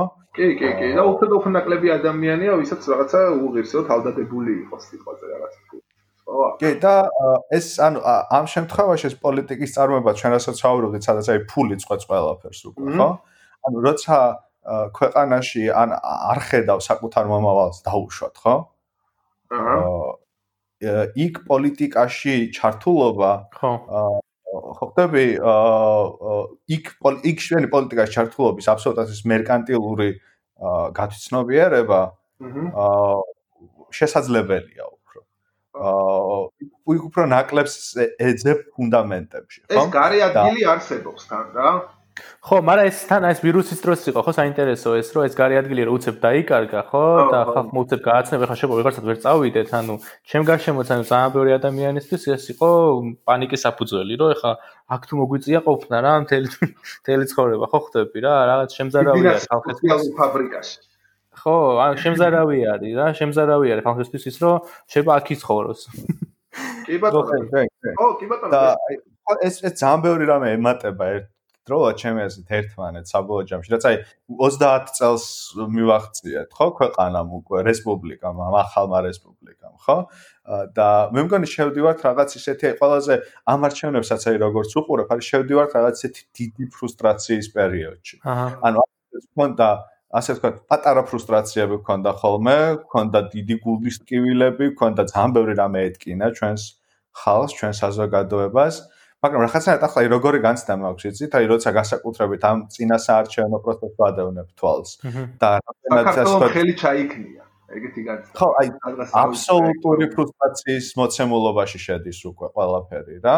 და ეს არჩევნებიც ეს ასეთი ხარდაჭერაც უკვე მესამე ვადით პირველად ვიჭერთ, შენ როგორც ის ძალიან მნიშვნელოვანი აა რაღაც არის ასე ვთქვათ, milestone-ი არის, ხო? ეს ძალიან მნიშვნელოვანი, ხო? ანუ იმიტომ ხალხმა რომელიც აი სულ ამ რაღაც ცვლილებაზე იყო ორიენტირებული და თუნდაც ასე ვთქვათ ხალხმა რომელიც თუ იყო მზად გაერისკა ცვლილებისთვის აჰა ხედავთ რომ გადაწყვიტა რომ აღარ გააკეთოს ეს რისკი. აი უყურებ დააკვირდით ან როგორ რაღაცა რომ ჩვენ ხა ეს ბუნძე ბევრი ვილაპარაკეთ და ამისი რაღაცა რა თქმა უნდა რომანტიზება და იდეალიზება არ გვინდა ხო რომ უყურებ რაში რაში არის იმიტომ არის პუნქტი, ანუ იმიტომ ხდებოდა საქართველოსში, რომ ვერაფერი სხვა ვერ ხდებოდა რა. ანუ პუნქტი ეს არის უიმედობა არის, აი ეს არის უიმედობა, რომელიც იძახის, რომ იყოს სულილება ნებისმიერ ფასად, რაც გინდა ის იყოს შემდეგი. ხო, თან არის პუნქტები, რომლებიც მუდმივად არის აი ამ პირველადი დაგროვების ფონზე, ხო, სადაც ანუ მოხდა პუნქტი, მაგრამ ისინი ისე მდიდრდებიან ისო. და ხო რა, რა თქმა უნდა რა. რომ ეს იმდენად არასტაბილური საყრდენი არის საზოგადოებრივი ორგანიზებისთვის, ხო, როგორი რომანტიკური და კარნავალურიც არ უნდა იყოს, ხო, ეს გამოსვლა და ჭია თუ თქვენთანაა და გადადექი და ასე შემდეგ, ხო? როგორი ეს ეს არის ძალიან არასტაბილური, რა. პროექტს ჩვენ ვაპარაკობთ ორგანიზაციაზე, რომელიც იდეოლოგიას აუცილებს. ზუსტად აი ეს არის ის, რამაც ეს ბუნტი უნდა შეავსოს რაღაცა იდეოლოგიური დამუშავებით და იდეოლოგიური განზომილებით. და მეორე მხრივ, ხო? ან მეც გეთანხმები რა რა თქმა უნდა რომ ანუ პესიმისტურად ვარ განწყობილი მაგრამ არ ამგონია რომ საკმარისად პესიმისტურად არიან განწყობილები ადამიანები სიამბულეში მგონია რომ კიდე უფრო პესიმისტურია რაღაცა მხრივ მაგრამ მეორე მხრივ ხო აუ რაღაც თქვა მინდოდა და ამომივარდა ეხა თავი არასამობი რომ ეს ორგანიზაცია რომელიც რაღაცა სტაბილურობა უნდა შეიტანოს და შეძამოს ამ იმას. აა და მეორე მხრივ რაში არის საქმე რომ ეს ფრუსტრირება ამ ბუნტებით ხო? გამოწეული არის პირველ რიგში რითი და ეს ჩვენ კარგად ვიცით რა და ვისაც საჭირო არის დაუძდებით და გავაგებინებთ ყოველთვის რომ ეს ბუნტი ვერ ასახელებს საკუთარ კლასობრივ სახელს ხა რა თქმა უნდა. ეს არის ცვლილებები ცვლილებებისთვის და იმ იმიტომ რომ ანუ ერთი მხრივ არის ხალხის მხარეს დიდი უკმაყოფილება და მეორე მხრივ არის მედია პროპაგანდა რომელსაც განდევნილი ყავს ეს კლასობრივი სახელი ხო? და ეს მარტო ჩვენთან კი არ ხდება ეს ბევრგან ხდება ხო სოფლიოში რომ ანუ სინამდვილეში ხა ხო ნახეთ რა ხდება ამ კოვიდის დროს რომ ანუ ყველაზე კარგად გამოიკვეთა რომ ვითომ ეს კონსერვატიზმი რომ რაღაცა კონტრიდეოლოგია თუ რაღაცა სრული სისულელე არის და სინამდვილეში რომ ეს ყველაფერი დგას ანტიკაპიტალიზმის განდევნაზე, ხო, კაპიტალიზმის კრიტიკის განდევნაზე ბრიტანეთში აიკრძალა რაღაც სახელმწიფოებიც სადაც კაპიტალიზმის კრიტიკაზე არის საუბარი, აქ ტრამპმა გამოაცხადა, რომ ყველაზე დიდი პრობლემა ამერიკის არის ანტიფა, ხო? რაღაცა სრული აბსურდი და სრული და ეს სახელი რომ ამ გუნდმა ვერ დაასახელოს, ხო? ამაზე მიდის სინამდვილეში идеოლოგიური მუშაობა, ხო? ანუ ამ მიმართულებით მუშავდება საზოგადოება და სანამ მას არ შეუძლია, ხო? სანამ მას არ შეუძლია აი ამ საკუთარი კლასობრივი იდენტობის შეძენა რა თქმა უნდა რომ ეს იქნება მუდმივი ფრუსტრაციების სერია რა იმიტომ რომ ანუ თუ ეხა რაღაცა მე უნდა ავჯაყდე და ხაზარაძემ უნდა გამოიყენოს, ან სააკაშვილმა უნდა გამოიყენოს, ან იმან უნდა გამოიყენოს და ქვია ოქრიაშვილმა, ხო? რა თქმა უნდა, არავჯანყდე, რომ არავჯანყდე, ხო? ანუ და სად არის აბა ჩვენი ინტერესები, ვის ვის ვინ გამოხატავს ამ ჩვენი ინტერესებს? მით უმეტეს უკვე ბევრი კინო ნახეთ, ხო, ყველა. ერთი სერიაც ნახეთ, ორი სერიაც ნახეთ და სამი სერიაც ნახეთ, რა. მაგრამ ამასთანავე ანუ არის კიდე ძალიან ბევრი საკითხები არის, რა ეხა ჩვენ ყველას ერთად ვერ იმას ვიზავთ, რა ქვია, ვერ მოვიხილავთ, მაგრამ მე მგონია, რომ იმედი მაქვს, რომ ვინც მოგვისმენს და თქვენს და რაღაცა როგორც მინიმუმ რაღაცა საკითხი ის ფიქრის საფუძველი და ახალი კითხვების დასმის საფუძველი რაღაც მინიმალურ დონეზე მაინც შევქმნათ. რა და არჩევნებზე არ გადავიდეთ? რა? კე კე ცოტანე და გადავიდეთ კაი. ო, ეგუნა მეკითხა მეც ხა, უშუალოდ ამარჩევნებზე დავუშვათ რა კაი. ამარჩევნებზე ხო ძალიან ისეთი არის, არა ეს პარტიების განაწილება. პირველ რიგში რაზეც უნდა დავიწყოთ ალბათ ჩვენ საუბარი არის აა მემარცხენე პლატფორმები, თუნდაც იგივე პარტიებში ან საერთოდ არჩევნებზე როგორ არის წარმოქმნილი. თორემ ნუ ეს არის ყველა საინტერესო ალბათ ჩვენთვის. ერთი საინტერესო რაღაც ის ვინ გააკეთა არ ვიცი. თუ იცით, მითხარ ეს კომპასი რომ არის პარტიებს რომ ალაგებს. რა ვიცი, მე არ გამიგე. იდეოლოგიურ აა არ გინახავს ეს კულტურულად, ლიბერალური, ეკონომიკურად მემარცხენე. რა მარას მირა ერთი სიტყვით რა, ანუ ტიპები ვერ ხდებიან, რომ ყველანი მემარცხენეები არიან რა. კე, ხო და ამ კომპასს ვიღაცა ვინც გააკეთა ეს, არ ვიცი, სამი პარტიის გარდა, ეს არის ნაციონალური მოძრაობა მგონი და ის აა ევროპული საქართველოს და გირჩი ყველა განათავსა მარცხს. ხო, ყველანი მემარცხენეები არიან ეს. და ანუ ვინ იყო ეს პირველ რიგში ყოველთვის? ხო, ნუ აი ის არის. მეორე, ანუ აიდან იყურება ის, რომ ყველაფერი მარცხნივ. აიდან იყურება მართლა, ხო? აი და თქვა მე არის კიდებორის, ხო, თუ რაღაც სახელმწიფო არის ჩიტი რომელსაც ორივე ფრთან არჯრილა, ხო, თუ რაღაცა ესე არიან ესენი, რა, ანუ რა, რაღაცა არ ვიცი რა ნუ ეგ ნუ ეს ეს ბავშვები კიდე როგორი დამუშავებულები არიან ნუ აი წარმოუდგენელი ეს როგორ უნდა შეძლო უბრალოდ ხო აი ეს არის. ალბათ listen learn რა ხო ძალიან უცნაური იყო პირველ რიგში ეს რა ნახე იმიტომ რომ აღმოჩნდა რომ ეს მემარცხენე პლატფორმა ყველა პარტიას აბსოლუტურად და მაინც მემარცხენე მემარცხენე კომუნაში მემარცხენე ადამიანებში ხო ვინც არის საქართველოში პრობლემა რასაც პირველ რიგში თამენ არის ის რომ არც ერთი პარტია არ გვთავაზობს მემარცხენე პლატფორმას. აჰა არ არსებობს ეს თქვათ პარტია, რომელსაც აქვს რაღაც გამოკვეთილი პროგრამა. პირველ რიგში ერთი ყველაზე დიდი პრობლემა მარჩენების არის ამ ეპიზოდისთვის, რაც ოცდაოდე მომზადებული ყავი არის, რომ მინდოდა წამაკითხა პროგრამები, მანიფესტოები პარტიების, რომლებსაც როგორც აღმოჩნდა, არაკეთებენ ქართული პარტიები, როგორც ესე.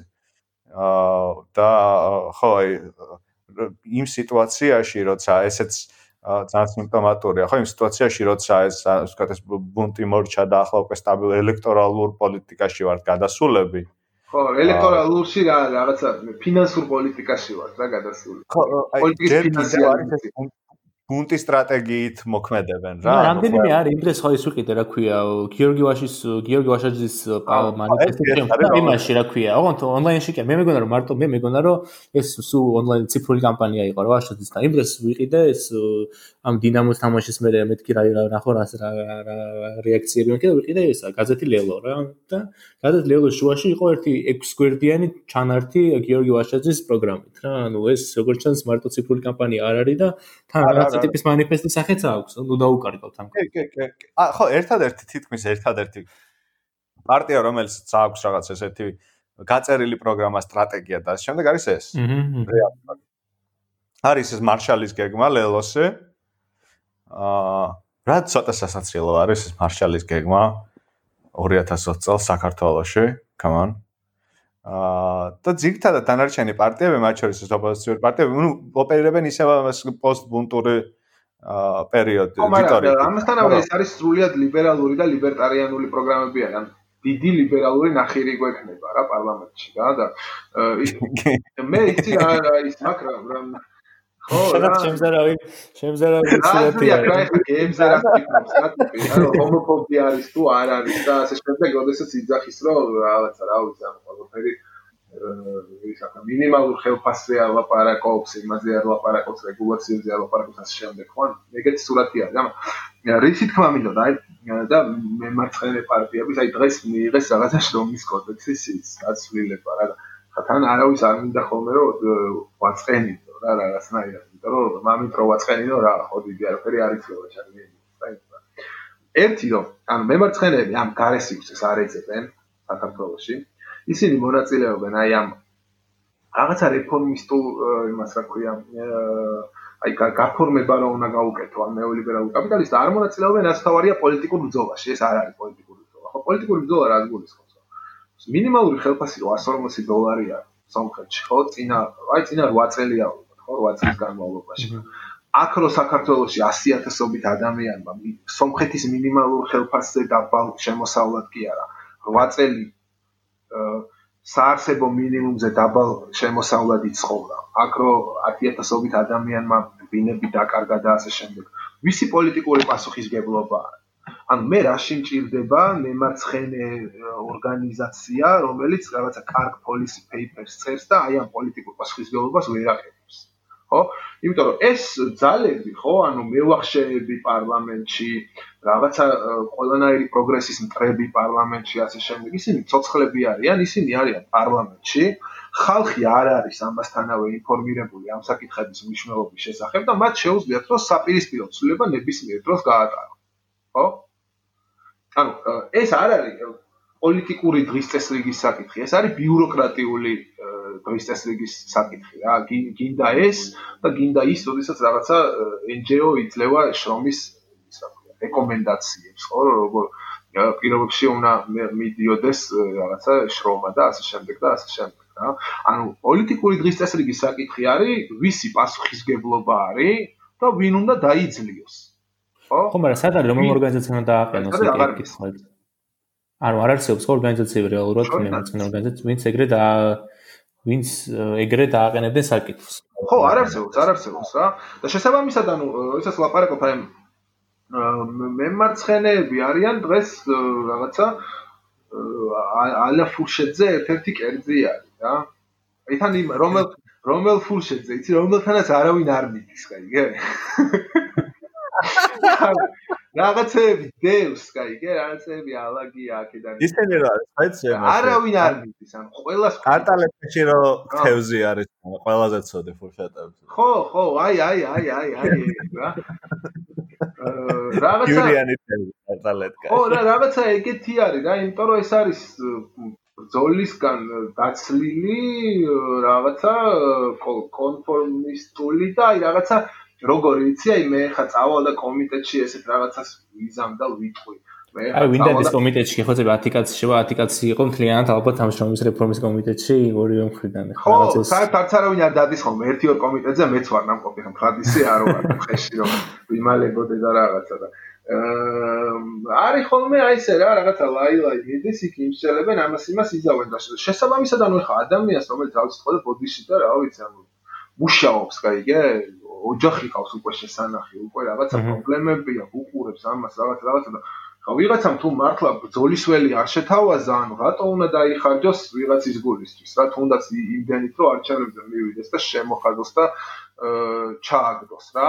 ანუ პრობლემა არის რაში, ანუ მე მემარცხენეები არ მუშაობენ ხალხთან და მემარცხენეები მუშაობენ იმ ბურჟუაზიასთან, რომლის პასუხისგებლობაც არის დასაყენ ფინანსურ ელიტასთან, რომლის პასუხისგებლობაც არის დასაყენებელი და რომელიც არის გასანადგურებელი, რა და მათ განადგურების საკითხს არ აყენებენ, რა. ანუ ისევ დარჩა, რა თქმა უნდა, ბენდუკიძე ძალიან მნიშვნელოვანი დარტყმის ობიექტია და ბენდუკიძეს ფაქტორზე კიდე რო გველაპარაკა, თქვა აი ამ 30 წლიანი იმის იმაში შორს წავიდოდით, მაგრამ ხა უსასრულოდ ბენდუკიძე ვერ იქნება რა მთავარი დარტყმის ობიექტი. რა ვერ იქნება თავარი დათქმის ობიექტი ის რა ქვია მონური პირობები ან რაღაცა უთან სტრუქტურული უთანასწორობა რაღაცა რაღაც ან დათქმის ობიექტი არის ის ვისაც სადავეები უკავია კონკრეტულ საკითხზე და ისე აკეთებს რომ როგორც თვითონ აწყობს ხო? შენ ეს სადავეები უნდა წაართო ამას და ისე უნდა გააკეთებინო როგორც ხალხს აწყობს. ესაა პოლიტიკა მე ესე ვიცი სხვა პოლიტიკას არ ვაღია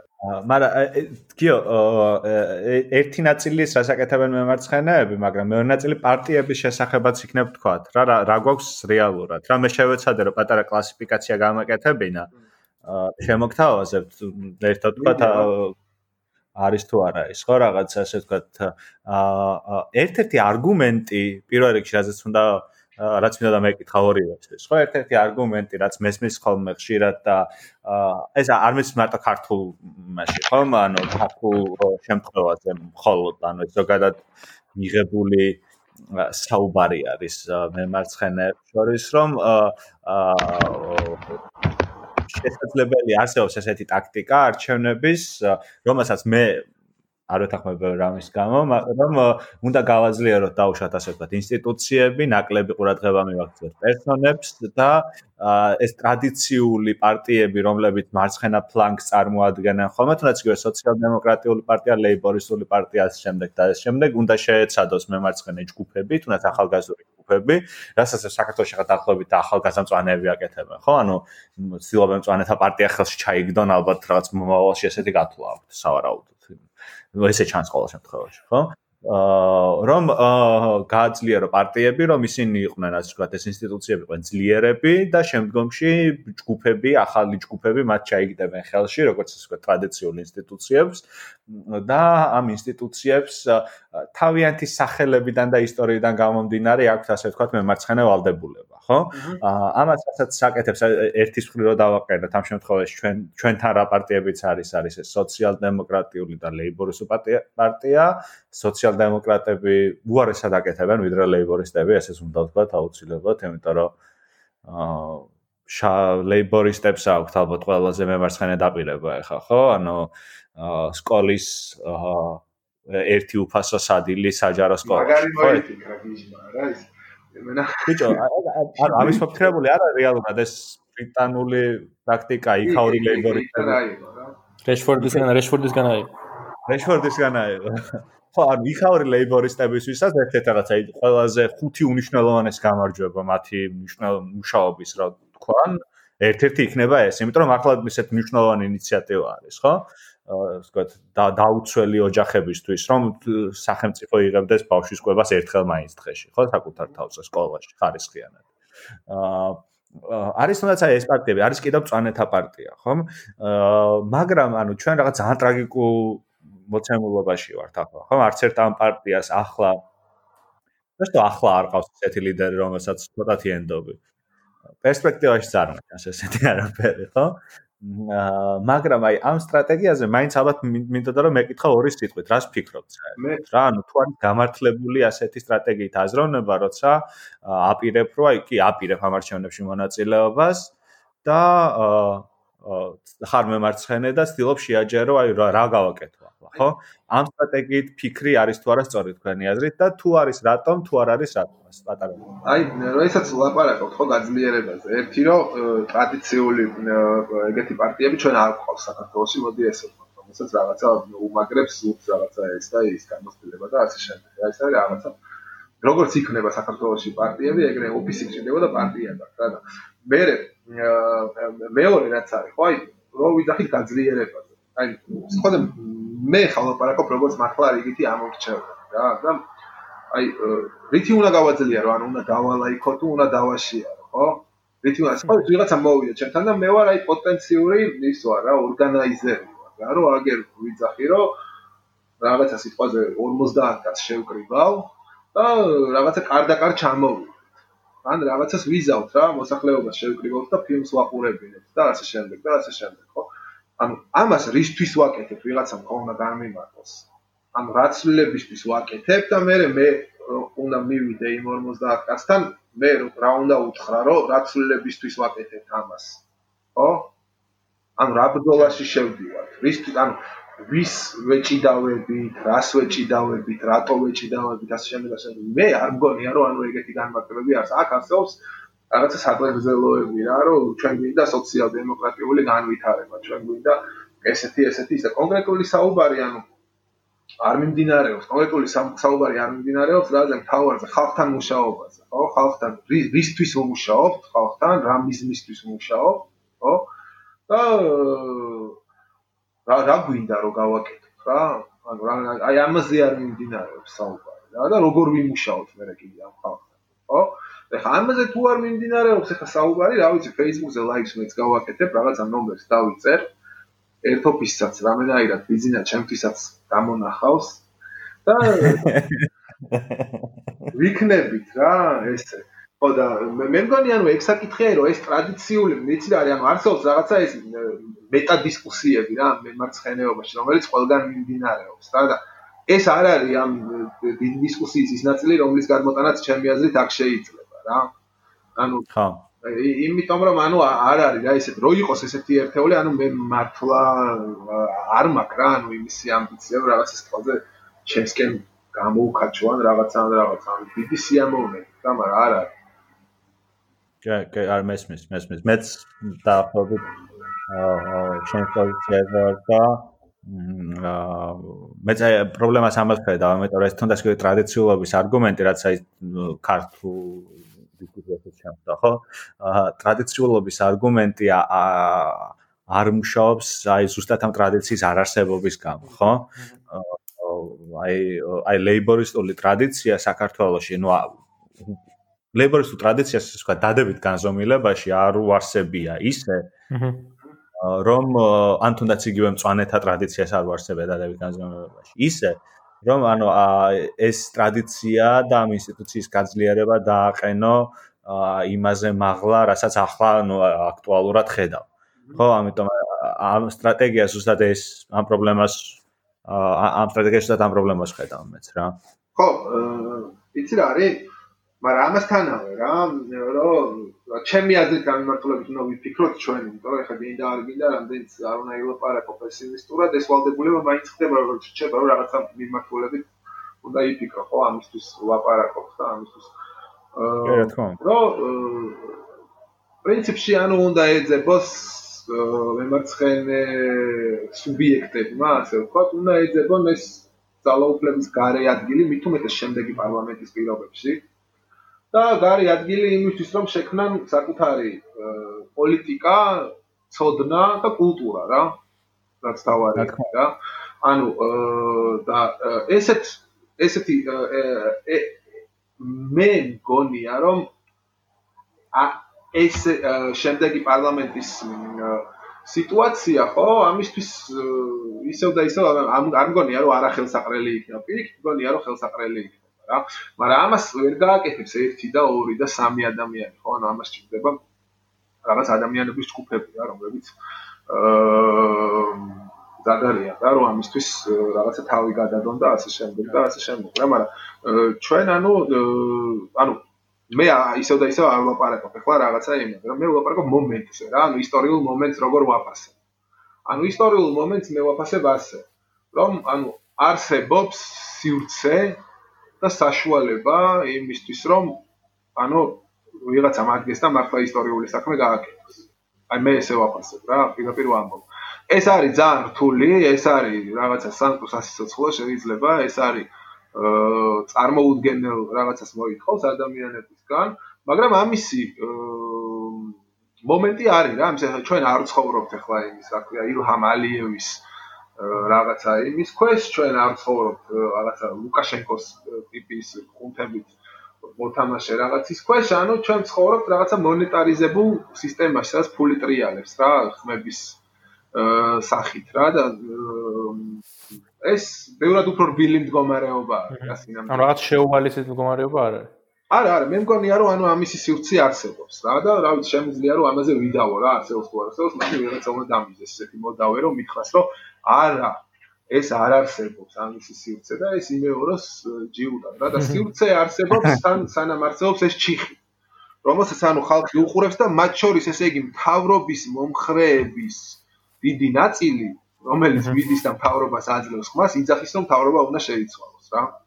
და აა კიო ერთ ესეთ შეკითხვას დაგიშვამ და რამდენჯერმე აა შენი სხვადასხვა კომენტარები და სხვა დავკრიფე ასეთი სიგნალი და მითხარი თუ არასწორად აკვირფე ხო? აა ანუ მე როგორც გამოვიტანე აზრი და საინტერესო საკითხი არის დისკუსიისთვის. აა ფიქრობ, რომ მომავალ მომავალი 4 წელი თუნდაც ან უახლოესი მომავალი, ასე ვთქვათ, ეს მემარცხენე ბრძოლა, სადაც არის მოსაგები და სადაც არის გასაკვირი, ეს არის თქო კულტურული ომი, ხო? ნაწილი არის კულტურული, რა თქმა უნდა, რა, რა თქმა უნდა, ნაწილი სადაც ასე ვთქვათ, მეტი კულტურული, მეტად კულტურული და ნაკლებად ასე ვთქვათ, ან ელექტრონული. ანუ ადამიანები არიან გასამრავლებელი, ვისაც ჩვენნაირი წარმოდგენა ექნებათ პოლიტიკაზე, რა. ვისაც ჩვენნაირი კი არა, ვისაც სწორი წარმოდგენა ექნება რა პოლიტიკაზე. რა ამისთვის არის კულტურა არის ძალიან ძალიან მნიშვნელოვანი და არ უარსებია მემარცხენე პარტიას და ორგანიზაციას სოფიოში, რომელსაც თავისი კულტურა არ ქონდა, რა. კი, რა თქმა უნდა. მე ასე მგონი, მაგრამ მე ამაზე ანუ აქცენტ გასაკუთრებით კულტურას კი არ ვიძახი, რომ იმენა კულტურა და კულტურა და რაღაცა რა. ხო, არა, ისე. არა, მე ერთ-ერთი კომპონენტია, რა, ერთ-ერთი კომპონენტია. კულტურაში იგულისხმება რაღაცა ხედვა, ხო, თეორიული, აკადემიური ლექსია, ყველაფერი ერთად რა. და ასე ვთქვათ, კულტურა როგორც საზოგადოებრივი რეაქცია. აა ხო, ხო, ხო, რა, რაღაცა, აი, როგორც ანუ ანუ რაზე უნდა გქონდეს რეაქცია მაგასაც ჩვენი კულტურა განსაზღვრავს რა რაღაცა რა და ჩვენი წარმოდგენები სამყაროზე ამაზე იმაზე და ეხლა იქნება მომენტი ხო როდესაც ანუ ყველა ვინც ყველა ეს ლიბერალური პარტია იქნება პარლამენტში ყველა ვინც მათ ორბიტაზე კულტურას აწარმოებს იქნება მათთან ერთად იმ პარლამენტში ჩათვალე ხო და ანუ სინამდვილეში შეგიძლია შეგიძლია რომ შეგიძლია რომ აი გარედან რომ შეხედო რა ამ ყველაფერს ამ შეგიძლია რომ შენ შენი სამუშაოთი და შენი პრაქტიკით ასე ვთქვათ დაკავდე რა ამ ყველაფრის ფონზე რა მთელი ამ აუზაურების და ამბების ფონზე რა ანუ რაღაც რა კაიც არის რომ ჩვენ არ ვიქნებით ხო? რაღაცა გონძრო მარტო ჩვენ არ ვართო იქ რა მარტო ჩვენი ის მოგვარია კარგი არის იმიტომ ჩვენ ახლა შენ ან თუ მაგალითად ჩვენთვის ხო ან ვიღაც თუნდა იყოს ჩვენთვის საინტერესო პარლამენტში შესვლა ჩვენთვის პარლამენტში შესვლა უნდა იყოს ორგანიზაციის ხო? ხო რა თქმა უნდა. ჩვენთვის ანუ ეხლა ოფისი მოქცენ და რაღაცა იმდენი ფული მოქცენ რომ და ასპონსორო Facebook-ზე რეკლამა და 2%-ს აცდე და იგე ერთი ორი ხვალი ვიღაცის დროშას ჩამოხევ ხვდები რაღაცაზე აძრები იქიდან იყვირე რაღაცას ამას გაკეთებ, იმას გაკეთებ და აღმოჩნდები მე ამ საგიჟეთში შიგნით. ცუდიც არის პირიქით. რომელშიც შენ ვერაფერს ვერ გააკეთებ, რო უნდა ხარჯო უბრალოდ და პირიქით ანუ შენც შეგაგინებენ ხოლმე რა იმათთან ერთად, რა, იმიტომ რომ ვიღაცას კი არ აკლებენ ხოლმე, როცა აგინებენ ყოველას ერთად აგინებენ, ხო, ეგეც ხო ვიცი რა. ხო და რა თქმა უნდა რომ კარგი არის რა, რა თქმა უნდა რომ კარგი არის. მე არავის არ უსურვებდი ამ პარლამენტში ან ნებისმიერ სხვა გულისხმობ რაღაცა მემარცხენე შეხედულებების ადამიანებს, ხო ვიცი, რაღაცა სოციალურად სენსიტიურ, კლასობრივად სენსიტიურ ადამიანებს, რომ აღმოჩნდნენ სადმე ეგეთ ადგილას ორგანიზაციის გარეშე რა, იმიტომ რომ ნუ იმიტომ რომ მაშინ შენ უნდა გააკეთო არჩევანი შენს წამს და შენ შეხედულებებს და იმ პოზიციას შორის, რომელსაც ეს საზოგადოება გთავაზობს ამ მომენტში, ხო? აჰა. ეს არ არის, არავისთვის არ არის, მე მგონი ისეთი არჩევანი, რა. კარგი არჩევანი. აბა აა კიდევ არსებობს სხვა ძალებიც, ხო? აი ახალი ჯგუფები რაც რასაც ხედავთ. აა ახალი მემარცხენე ჯგუფები, თუმცა მე მე ხედავ აი მაგათაც სოლიდარობის ალიანსი არის ერთ-ერთი აა ჩვენ ჯგუფშიც არიან წევრები, რომლებიც უერთდებიან, ასე ვთქვათ, ალიანსს და აა აქვს ყოველთვის ერთადერთი პარტია თითქმის ალბათ ნუ სოციალ-დემოკრატების მიყვა და სოციალ-დემოკრატები მიჭირს ცოტა რო აღვიქო მართლა. ხო, განსაკუთრებით პრეზენტაციის მერე. ეს მაგრამ ეს ძალიან კარგი მომენტი არის ხო რომ სხვა მეტროს მემანქანეები ეს ის ის რაღაცა მაგრამ ანუ ისევ და ისევ რა ამ ყველაფერს არ აქვს რაღაცა ხო თითქოს აი რა საკუთარი აი ეს კლასობრივი იდენტობა და ეს ბრძოლის აი ზუსტად ზუსტად. იმიტომ რომ თითქოს რასაც ვამბობთ ახლა ჩვენ ხო ამ პროცესებს ცდილობს солиდარობის ალიანსი რომ გვაჩვენოს რომ არსებობს ხო? ყოველ შემთხვევაში რაღაც მოძრაობებს რაღაც ორგანიზაციულ მოძრაობას ცდილობს რომ დაგვანახოს ხო? მათ აი საინფორმაციო ველს თუ დააკვირდები განსაკუთრებით ხო? აა თან ისე არ არის ხალხი ხა რასაც გიორგი იცახდა რომ გარეცალები და რაღაცა არ არიან თვითონ ხო? არა არა არა არა რა თქმა უნდა რა არიან გარეცალები პარლამენტის წევრები არ იყვნენ ყველა ხო ამ ამ მომენტამდე. აა ანუ იბრძვიან ხელახლა არჩევისთვის უბრალოდ არიან ასე ვთქვათ გარიყულები. აა ნაციონალ ქართული ოცნებით და ეს დისკუსია სხვა შორის ბოლოს წამოიჭრა მე ჯგუფში სტავპოსტა და მიყვებოდი კიდევ რამდენიმე წელი. შენ და ხება მექანაცულიშვილი, ეს გოგიჩაიშვილი, ეს გედი და რაღაცა ხო? კი, კი, კი, კი, კი, კი. ანუ ეს არის რაღაცა ის თქვა გაპრიალებული პოლიტიკა. ხო, აი თუ დააკვირდებით, ხო, რაღაც ისე თქვა აა რაც უნდა იყოს ხოლმე Facebook advertising-ი, აქ მისვლა, იქ მისვლა, აა კარგი პიჯაკი, კარგი ვარცხნილობა, ხო, აი მემარცხენე პლატფორმა, კონსერვატიული კულტურული შეხედულებები, ხო? ასე ვთქვათ, გედევან ფოფხაძეა და ასე ვთქვათ, გამოკვეთილი კონსერვატორული ჯგუფები არის, ხო?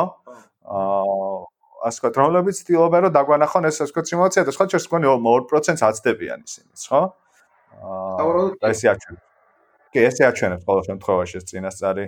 ხო, რაც ამი ხო, კი, იმიტომ რომ იქაც ანუ იქ ისინიც ხარჯავენ ხა საიდან აქვს ფული არავინ არ იცის, მაგრამ მათაც აქვს ფული. პარლამენტარები რაღაცა არ ხდება, რაღაც არც რეკლამა შემხედრია, მაგათი არაფერი შემხედრია. არა, არა, არა, მუშაობენაც რა აქტიურად. მუშაობს ხალხი ანუ. აჰა. ეგრეც არ არის რომ თლად არაფერს არ აკეთებდნენ რა და ხო, ზუსტად აი რასაც ვამბობ ჩვენ ამ პროცესის წარმოადგენას ცდილობ. რა ასე ვთქვა, რომ არსებობს ეს ორგანიზაციული ძალა, აქვთ ასე ვთქვა, გარკვეული ხარდაჭერა მშრომელების აა იქ პატარ-პატარა გამარჯვებების შესახებ ყოველთვის ცდილობენ ხოლმე გააკეთონ აქცენტი. აა ბექას ასე ვთქვათ ეს რეზიუმე დაუგროვდა რომ პარლამენტში იყოს ეს ალბათ თუ კარგად ეს ეს მეერე შესაძლებელია უბრალოდ ამბობ სიტუაციას ეს ვთქვათ დაკვირვებიდან გამომდინარე როგორც ჩვენს ხო? რომ რეზიუმე უკვე დაუგროვდა იმის რომ პარლამენტში შრომელთა პოზიცია ასე ვთქვათ მემარცხენე პოზიციიდან მოლაპარაკე კაცის ასე ვთქვათ რაც ბევრს არ დაგროვებია და არ ყოფილა ყოფილა ხანია და ცდილობს ამ ყველაფრის გამოყენებას, რა თქმა უნდა, ხო? აა არის ისიც არჩევნებში. აა მაგრამ მე ისე ვთქვათ ის რა პრობლემა მაქვს იცი, მან აი აა კარგი სტატია იყო ბოლოს აა აა ჯგუფშიც დავდე და შემდგომ კიდევ აა 2019 წელს იყო დაახლოებით გავს სტატია გარტიანზე ასევე იმასაც მეყვება და იმასაც დავდებ ჯგუფში ეს იყო მემარცხენე პოლიტიკის ეკონომიკური ხედვის ქორწინება კონსერვატიულ ღირებულებებზე ხო? რაც ბრიტანეთში წარმოიჭრა ბოლო პერიოდში დისკუსია. დიდი ხანია საერთოდ ეს დისკუსია არის ხო? საქართველოს არჩევნების წინ ყოველთვის აქტუალურდება ხოლმე ხო? მე რომ აა რატომღაც წარმოდგენა არსებობს რომ შრომელი მოცემულობაში კულტურულად კონსერვატორი უნდა იყოს აუცილებლად ხო? რაც აა რაღაც შემთხვევებში შესაძლოა სწორია მაგრამ ეს სტრუქტურულ მოცემულობად 100%-იანი ნამდვილად არ არის ხო? აა მე ყოველ შემთხვევაში მე ასეთ მონოლითურ წარმოდგენას შრომა კლასზე არ ვეთანხმები, რომ ერთ-ერთ მნიშვნელოვნად წარმოვიდგინო როგორც კულტურული კონსერვატიზმის გამტარებელი. ხო? ისტორიაში არის ბევრი მაგალითი, რომელს შეგვიძლია ვთქვათ, რომ საცებით პირიქით არის ეს. ხო, ამ შემთხვევაში ეს ალიანსი უცდილობს უბრალოდ ამ ამ ფორმულით თამაშს, რომ იცი რა შესაქმე, აი გიოშენ ძანსწორს ამბობდი, ეს კლასობრივი პოლიტიკის, ასე ვთქვათ, სიტყვა შეთანხმების ხმარებაც კი არ ხდება ბოლომდე, ხო? აა ასე ვთქვათ ეს კლასობრივი აქცენტის გაკეთება არ ხდება. და იცი აი აი ასე ვთქვათ ეს სტატია რომელსაც საუბრობდი ეს სათავე ესეთი ქონდა და ძალიან სწორი რაღაც არგუმენტი იყო რომ აა ოჯახური ღირებულებები კლასობრიობის გარეშე არის ჩაოლებრივი კონსერვატიზმი. ასე ვთქვათ იქ მემარცხენე პოლიტიკას, ასე ვთქვათ, მემარცხენე ეკონომიკურ პოლიტიკას უკეთეს შრომითი პირობები აქვს. აა თუ ჩვენ ამ ყველაფერს არ ვაძლევთ კლასობრივ საფუძველს, აა საბოლოო ჯამში აა მივყავართ უფრო მეტად მარცხნივ.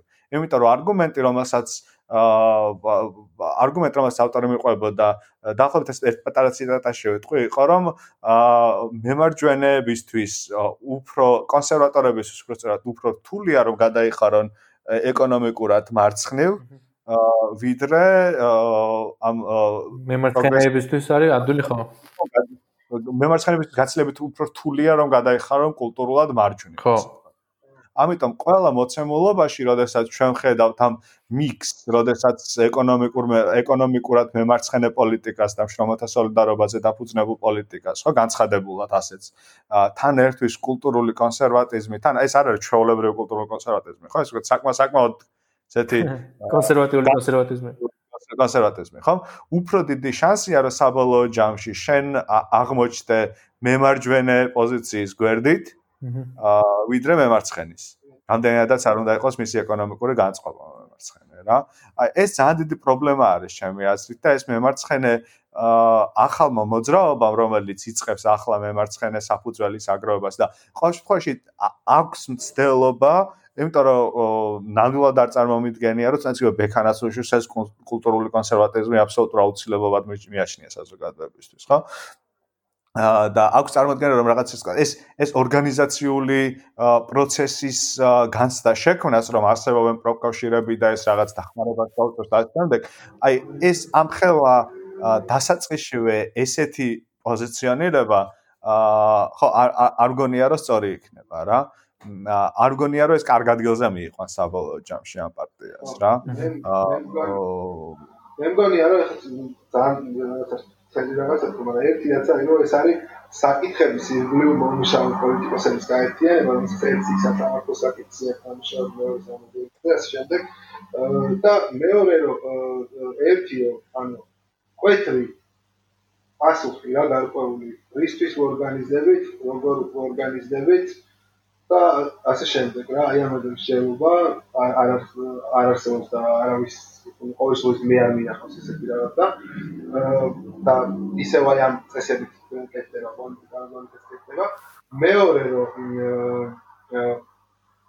ვინ ანუ მეორე რომ ნეოლიბერალიზმი და უსამართლობა და რაღაცეთი არ არის მტრები ანუ მტრები არიან კონკრეტული ტიპები ვისი სოციალური მარგინალიზებაც არის ძალიან მნიშვნელოვანი. ისევ და ისევ რა ანუ მტრის იდენტიფიცირება არ ხდება რა ანუ არ ხდება მტრის იდენტიფიცირება რაღაცა კონკრეტულ ადამიანებში, რომლებიც ანუ ცოცხლები არიან და მისამართები აქვს და ასე შემდეგ რა. აი ეს აღმოჩნდება აი ამ რაღაცა პოლემიკურ განზომილებაში ამ ყველაფერს რა, რომ იცი არის მე ხა ვიტყვი არგუმენტს და რაღაცა სიმბოლოში შეჭდება რევოლუციური რიტორიკა. მე დაუჭერ მხარს ხოლმე და ხოლმე რევოლუციური რიტორიკას მე იმას კი არ გულისხმობ, რომ ხვალ რა ქვია ბურჟუაზიას გილიოტინაზე თავები უნდა დავაყრებინოთ და ასე შემდეგ და ასე შემდეგ რა.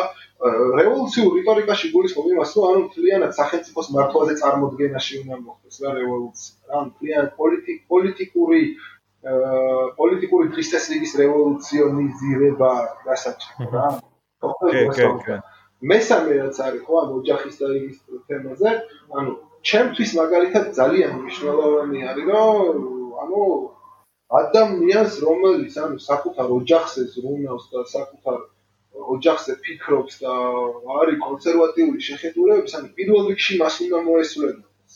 სადაც ხო, მაგრამ ოჯახზე ზრუნვა რატო არის კონსერვატიული შეხედულება? არ არის საერთოდ რა თქმა უნდა კონსერვატიული ეგ მეც მაგის დავიწყე. როდესაც ლაპარაკობ რო აი კლასობრივი საკითხი ხო? ანუ კლასობრივი საკითხის გარეშე ოჯახი არის ალბათ რაღაცა ბაგრატოვანთა იმის შტოს წარმომადგენელი ხარკო.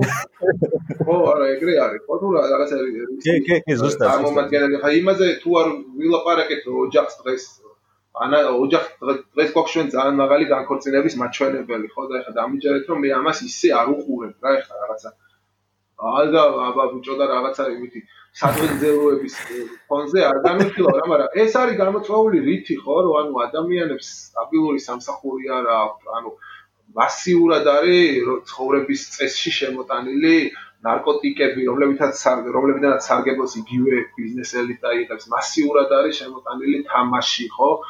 გემბლინგი კი ეს არის სოციალური ფონი არის ამ სოციალური ფონიდან უმცირესობა იღებს სარგებელს და ადამიანებს ანუ არ შეუძლიათ რომ სტაბილურად ოჯახები შექმნან და ბავშვები გაზარდონ რაც ყველაზე მნიშვნელოვანია ამ ოჯახში ანუ ოჯახი ანუ ოჯახში ხო ეს არის ყველაზე მნიშვნელოვანი რომ ბავშვი იყოს რაღაცა ჯამრთელი იყოს, კარგად იყოს, რაღაცა საჭმელი არ აქვს ხო და რაღაცა ემოციური ფონი კონდეს ნორმალური ხო ეხლა რომ რაღაცა როგორც დევნილები როგორც გაიზარდნენ ბავშვობაში ეს ის რომ ეს აღარ იყოს ხო? ანუ არ უწევდეს ანუ ადამიანს რომ რაღაცა გადარჩენისთვის და იმისთვის ბრძოლა და ეს ჩემი აზრით ეს ძალიან მნიშვნელოვანი არის და საქართველოს ნაირ ქვეყანაში ძალიან მნიშვნელოვანი არის და აქ რაღაცა აბსტრაქტულ მსჯელობებზე მეტად მე ანუ აი ეს კონკრეტული სიტუაცია მაინტერესებს რომელიც რაც უფრო ვიზრდები უფრო და უფრო გრძნო ჩემს გარშემო ხო რომ ტრავმირებული ადამიანების მასას ვიღა და ვიღაცამ შეიძლება ლიბერალური პასუხი გაქცეს, რომ ეს ტრავმირებული ციტატო ოჯახიო შექმნეს იმიტომ არიან და იგივე ხა ისეთ საერთოდ ვერც დაელაპარაკებს სინამდვილეში რა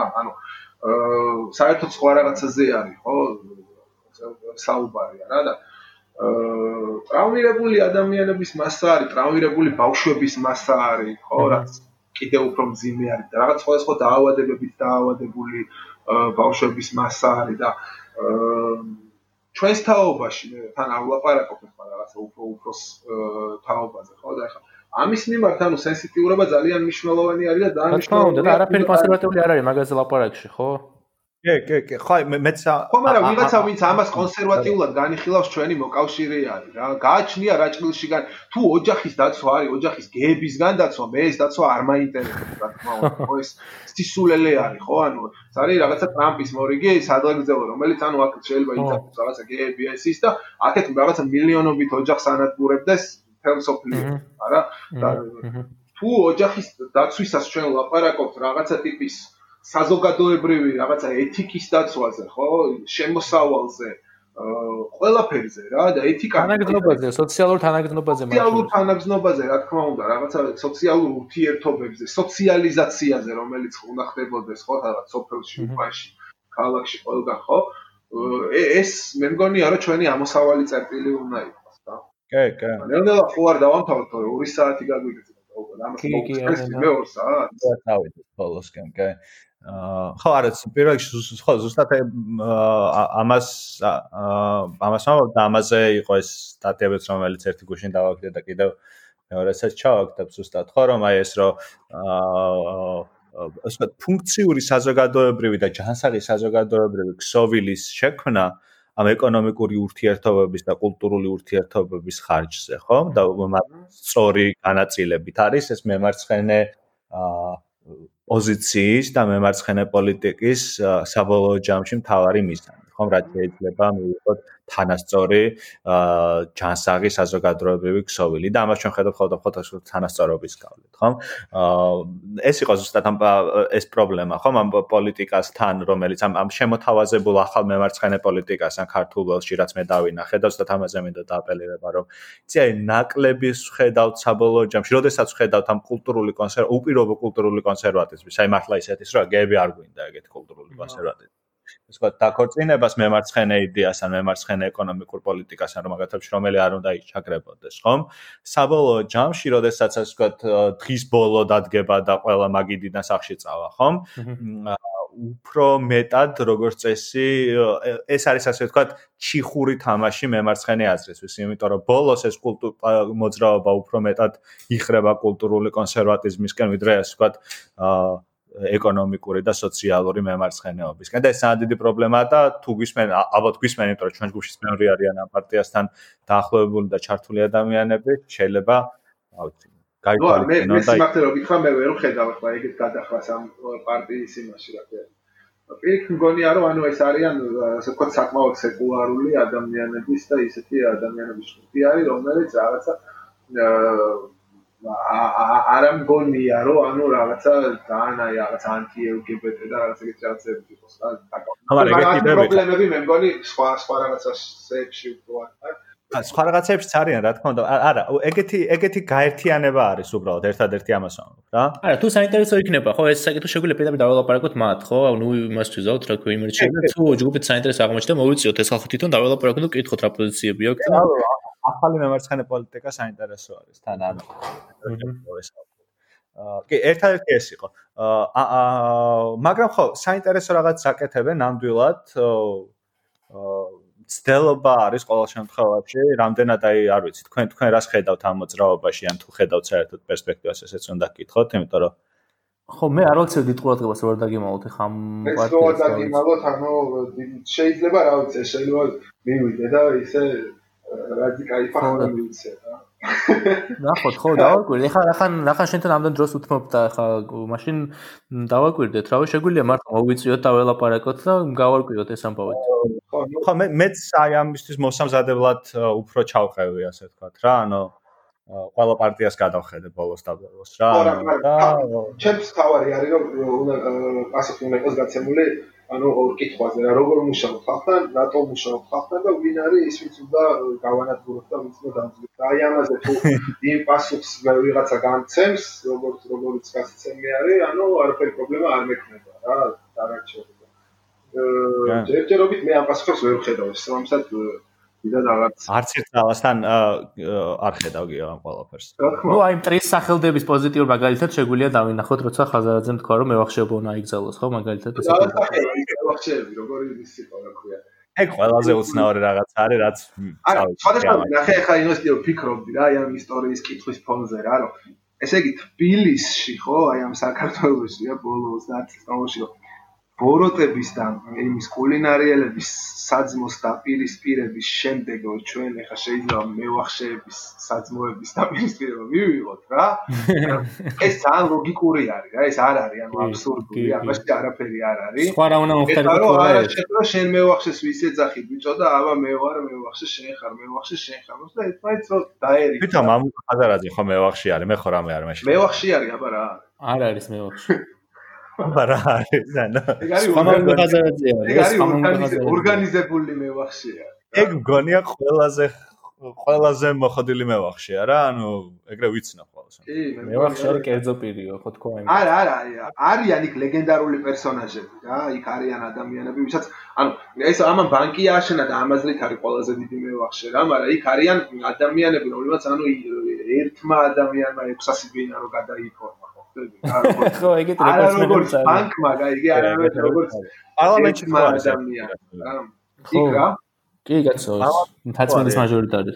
ხო, მაგაზეც იძახიან, იმასაც იძახიან, მაგრამ თან რა არის, რომ ჩვენ რაღაცა ჩვენ კომპანიებზე გქონდა უგაპროცენტებული რა, მაგრამ პოლიციური გამოსახლების დაბრუნებას ერთხმად უჭერდნენ ხარს რა. აა კიდევ ხო, ხო, აი ბოლოსკენ ეტაპობრივად რომ წავიდეთ და მე მე რაღაც მინდა მეც რაც მოვაგროვე ყველაფერი რომ თქვა და აა კითხოთ იმაზე, ხო? აი პლატფორმებზე დანარჩენზე აა არის ეს ლელოს პლატფორმა, ლელოს და ასე ვთქვათ, სტრატეგია აღმაშენებლის პლატფორმა არის დაახლოებით ერთი და იგივე, კიდევ რამდენიც. ალბათ ამაზე სერიოზულად ლელოს მართალია ცდილობს რომ კონდეს ათვისებული რაღაც მემარცხენე, იმიტომ რომ მემარცხენეები ყავს რამდენიმე, თორე მან რა მოხდა ხ სინამდვილეში? ხო გასაგებია. მანდაც და ბიზნესთანაც იგივე ხდებოდა ანუ ეს ერთი სუპერკაპიტალისტი რომელიც ამის ცენტრში არის ან ფოკუს შუქივით შეკრიბავს ამათ მემარჯვენეს მემარცხენეს და ბოლოს იტყვის რომ ვარ ცენტრისტი. შენ შენი იყვირე. ეს თავისას იყვირებს. თან ერთად დემოკრატიულად მივიღოთ ხელფასები ხელფასები გექნებათ ჩემგან რა. აი ესეთი მარტივი ბანალური სიტუაცია არის რა ხო არაფერი მემარცხენე მემარჯვენე და ამ ჩვენ გვინდა რომ ეს დავინახოთ როგორ იცი რომ აი ტრადიციული დისკუსია რაც არის ისე ხო აი ამ სოფლიოში რაღაცა რომ იმ დისკუსიის იმას შევიყოთ რა წარმოგვიდგენთ მაგრამ ეს არის პოლიტექნოლოგიით და კაპიტალის გამოყენებით შექმნილი სპექტაკლი რა ჩვეულებრივი რა რომელსაც არაფერი საერთო არ აქვს რეალურ პოლიტიკურ პროცესებში ანუ არჩევნები არჩევნები ტარდება ისე. არაფერი განაცხადებს ხოების ხო არჩევნები ტარდება ისე რომ საუბარი არ მიმდინარეობს მინიმალურ ხელფასზე, საუბრები არ მიმდინარეობს ონლაინ კაზინოების გაუქმებაზე. აიგე, საუბრები არ მიმდინარეობს როგორ მოვიპოვებთ ჩვენს ციარისეულს და ასე შემდეგ ამაზე, როგორ შევზღუდოთ, არ შევზღუდოთ რაღაცა რაღაცა. საუბრები არ მიმდინარეობს ამ სააფთიაქო მაფიაზე, ნარკომანიის, ხო? საუბრები აი ბუნება, რა ვიცი, არაფერზე არ მიმდინარეობს საუბარი. რა საუბარი ის რაღაცა ვინ მოკლა ვიღაცა რაც რა თქმა უნდა მნიშვნელოვანი არის. მინეს გაკეთებ და როგორ შეიძლება რომ ეს ვთქვათ აი რაღაცა აღიქვა როგორ იცი ხა როგორ რაღაცა რაღაცა მარცვალი არსებობდეს ამაში ყველაზე ლეიბორისტების და იმის კონსერვატორების დაპირისპირებას არანაირი მარცვალიც კი არ არსებობს ხო? ანუ კი კი. რის წესრიგი ტრიალებს იმის ირგვლივ როგორ ვასიამოვნოთ უფრო მეტად ფეოდალებს და ბურჟუაზიას ანუ არა ჩვენ უფრო ვასიამოთ, არა ჩვენ იქიდან გირჩი იძახს და ჩვენ ვაფშე სახელმწიფოს გაუუქმებთ, აი კიდე მარტო კაპიტალი იტრიალებს, ეგეთი სიტუაცია იქნება რა. ყველაზე რადიკალები რადიკალები არიან ამ საკითხში რა და ეს არის რა და არღის რა ამაზე რა სერიოზულად როგორც ბაქანიდან რომ ხელს უქნევენ ხო იცი ფილმებში რა ისე უნდა დაუქნიოთ ამ მეგობრებს ხელი და ვიღაცა შეიძლება იღიმოდეს ცინიკურად, ვიღაცა მიტიროს, გაიგე? ვიღაცა ტრემლი მოიწვიოს რაღაცა და გაუშვათ რა ღია კოსმოსში ხო ჩვენ რა გავაკეთე. ზურგში დანებსაც არ ჩავარყო, მე არ ვიკადრებ.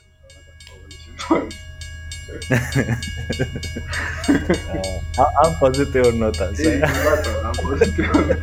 მატარებლის იმას დავადებ ხმას, რომ გადის იმას.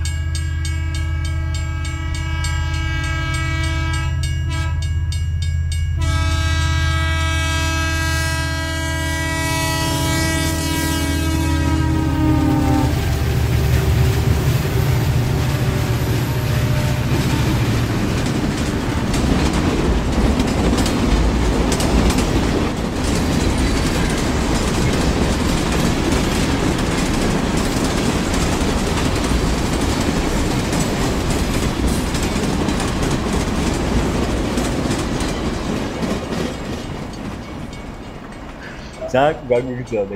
შევა ხო ნატურალად. კარგი იყო ის ფოტოშორის მეც რაღაც ამ დროის განმავლობაში რაზეც ვფიქრობდი რაღაც რაღაცა ეხა ერთი ასე ვთქვათ ცოლთან ლაპარაკობდი ხოლმე და ეხა თქვენს და რამდენიმე და ეხა თქვენს დაგელაპარაკეთ.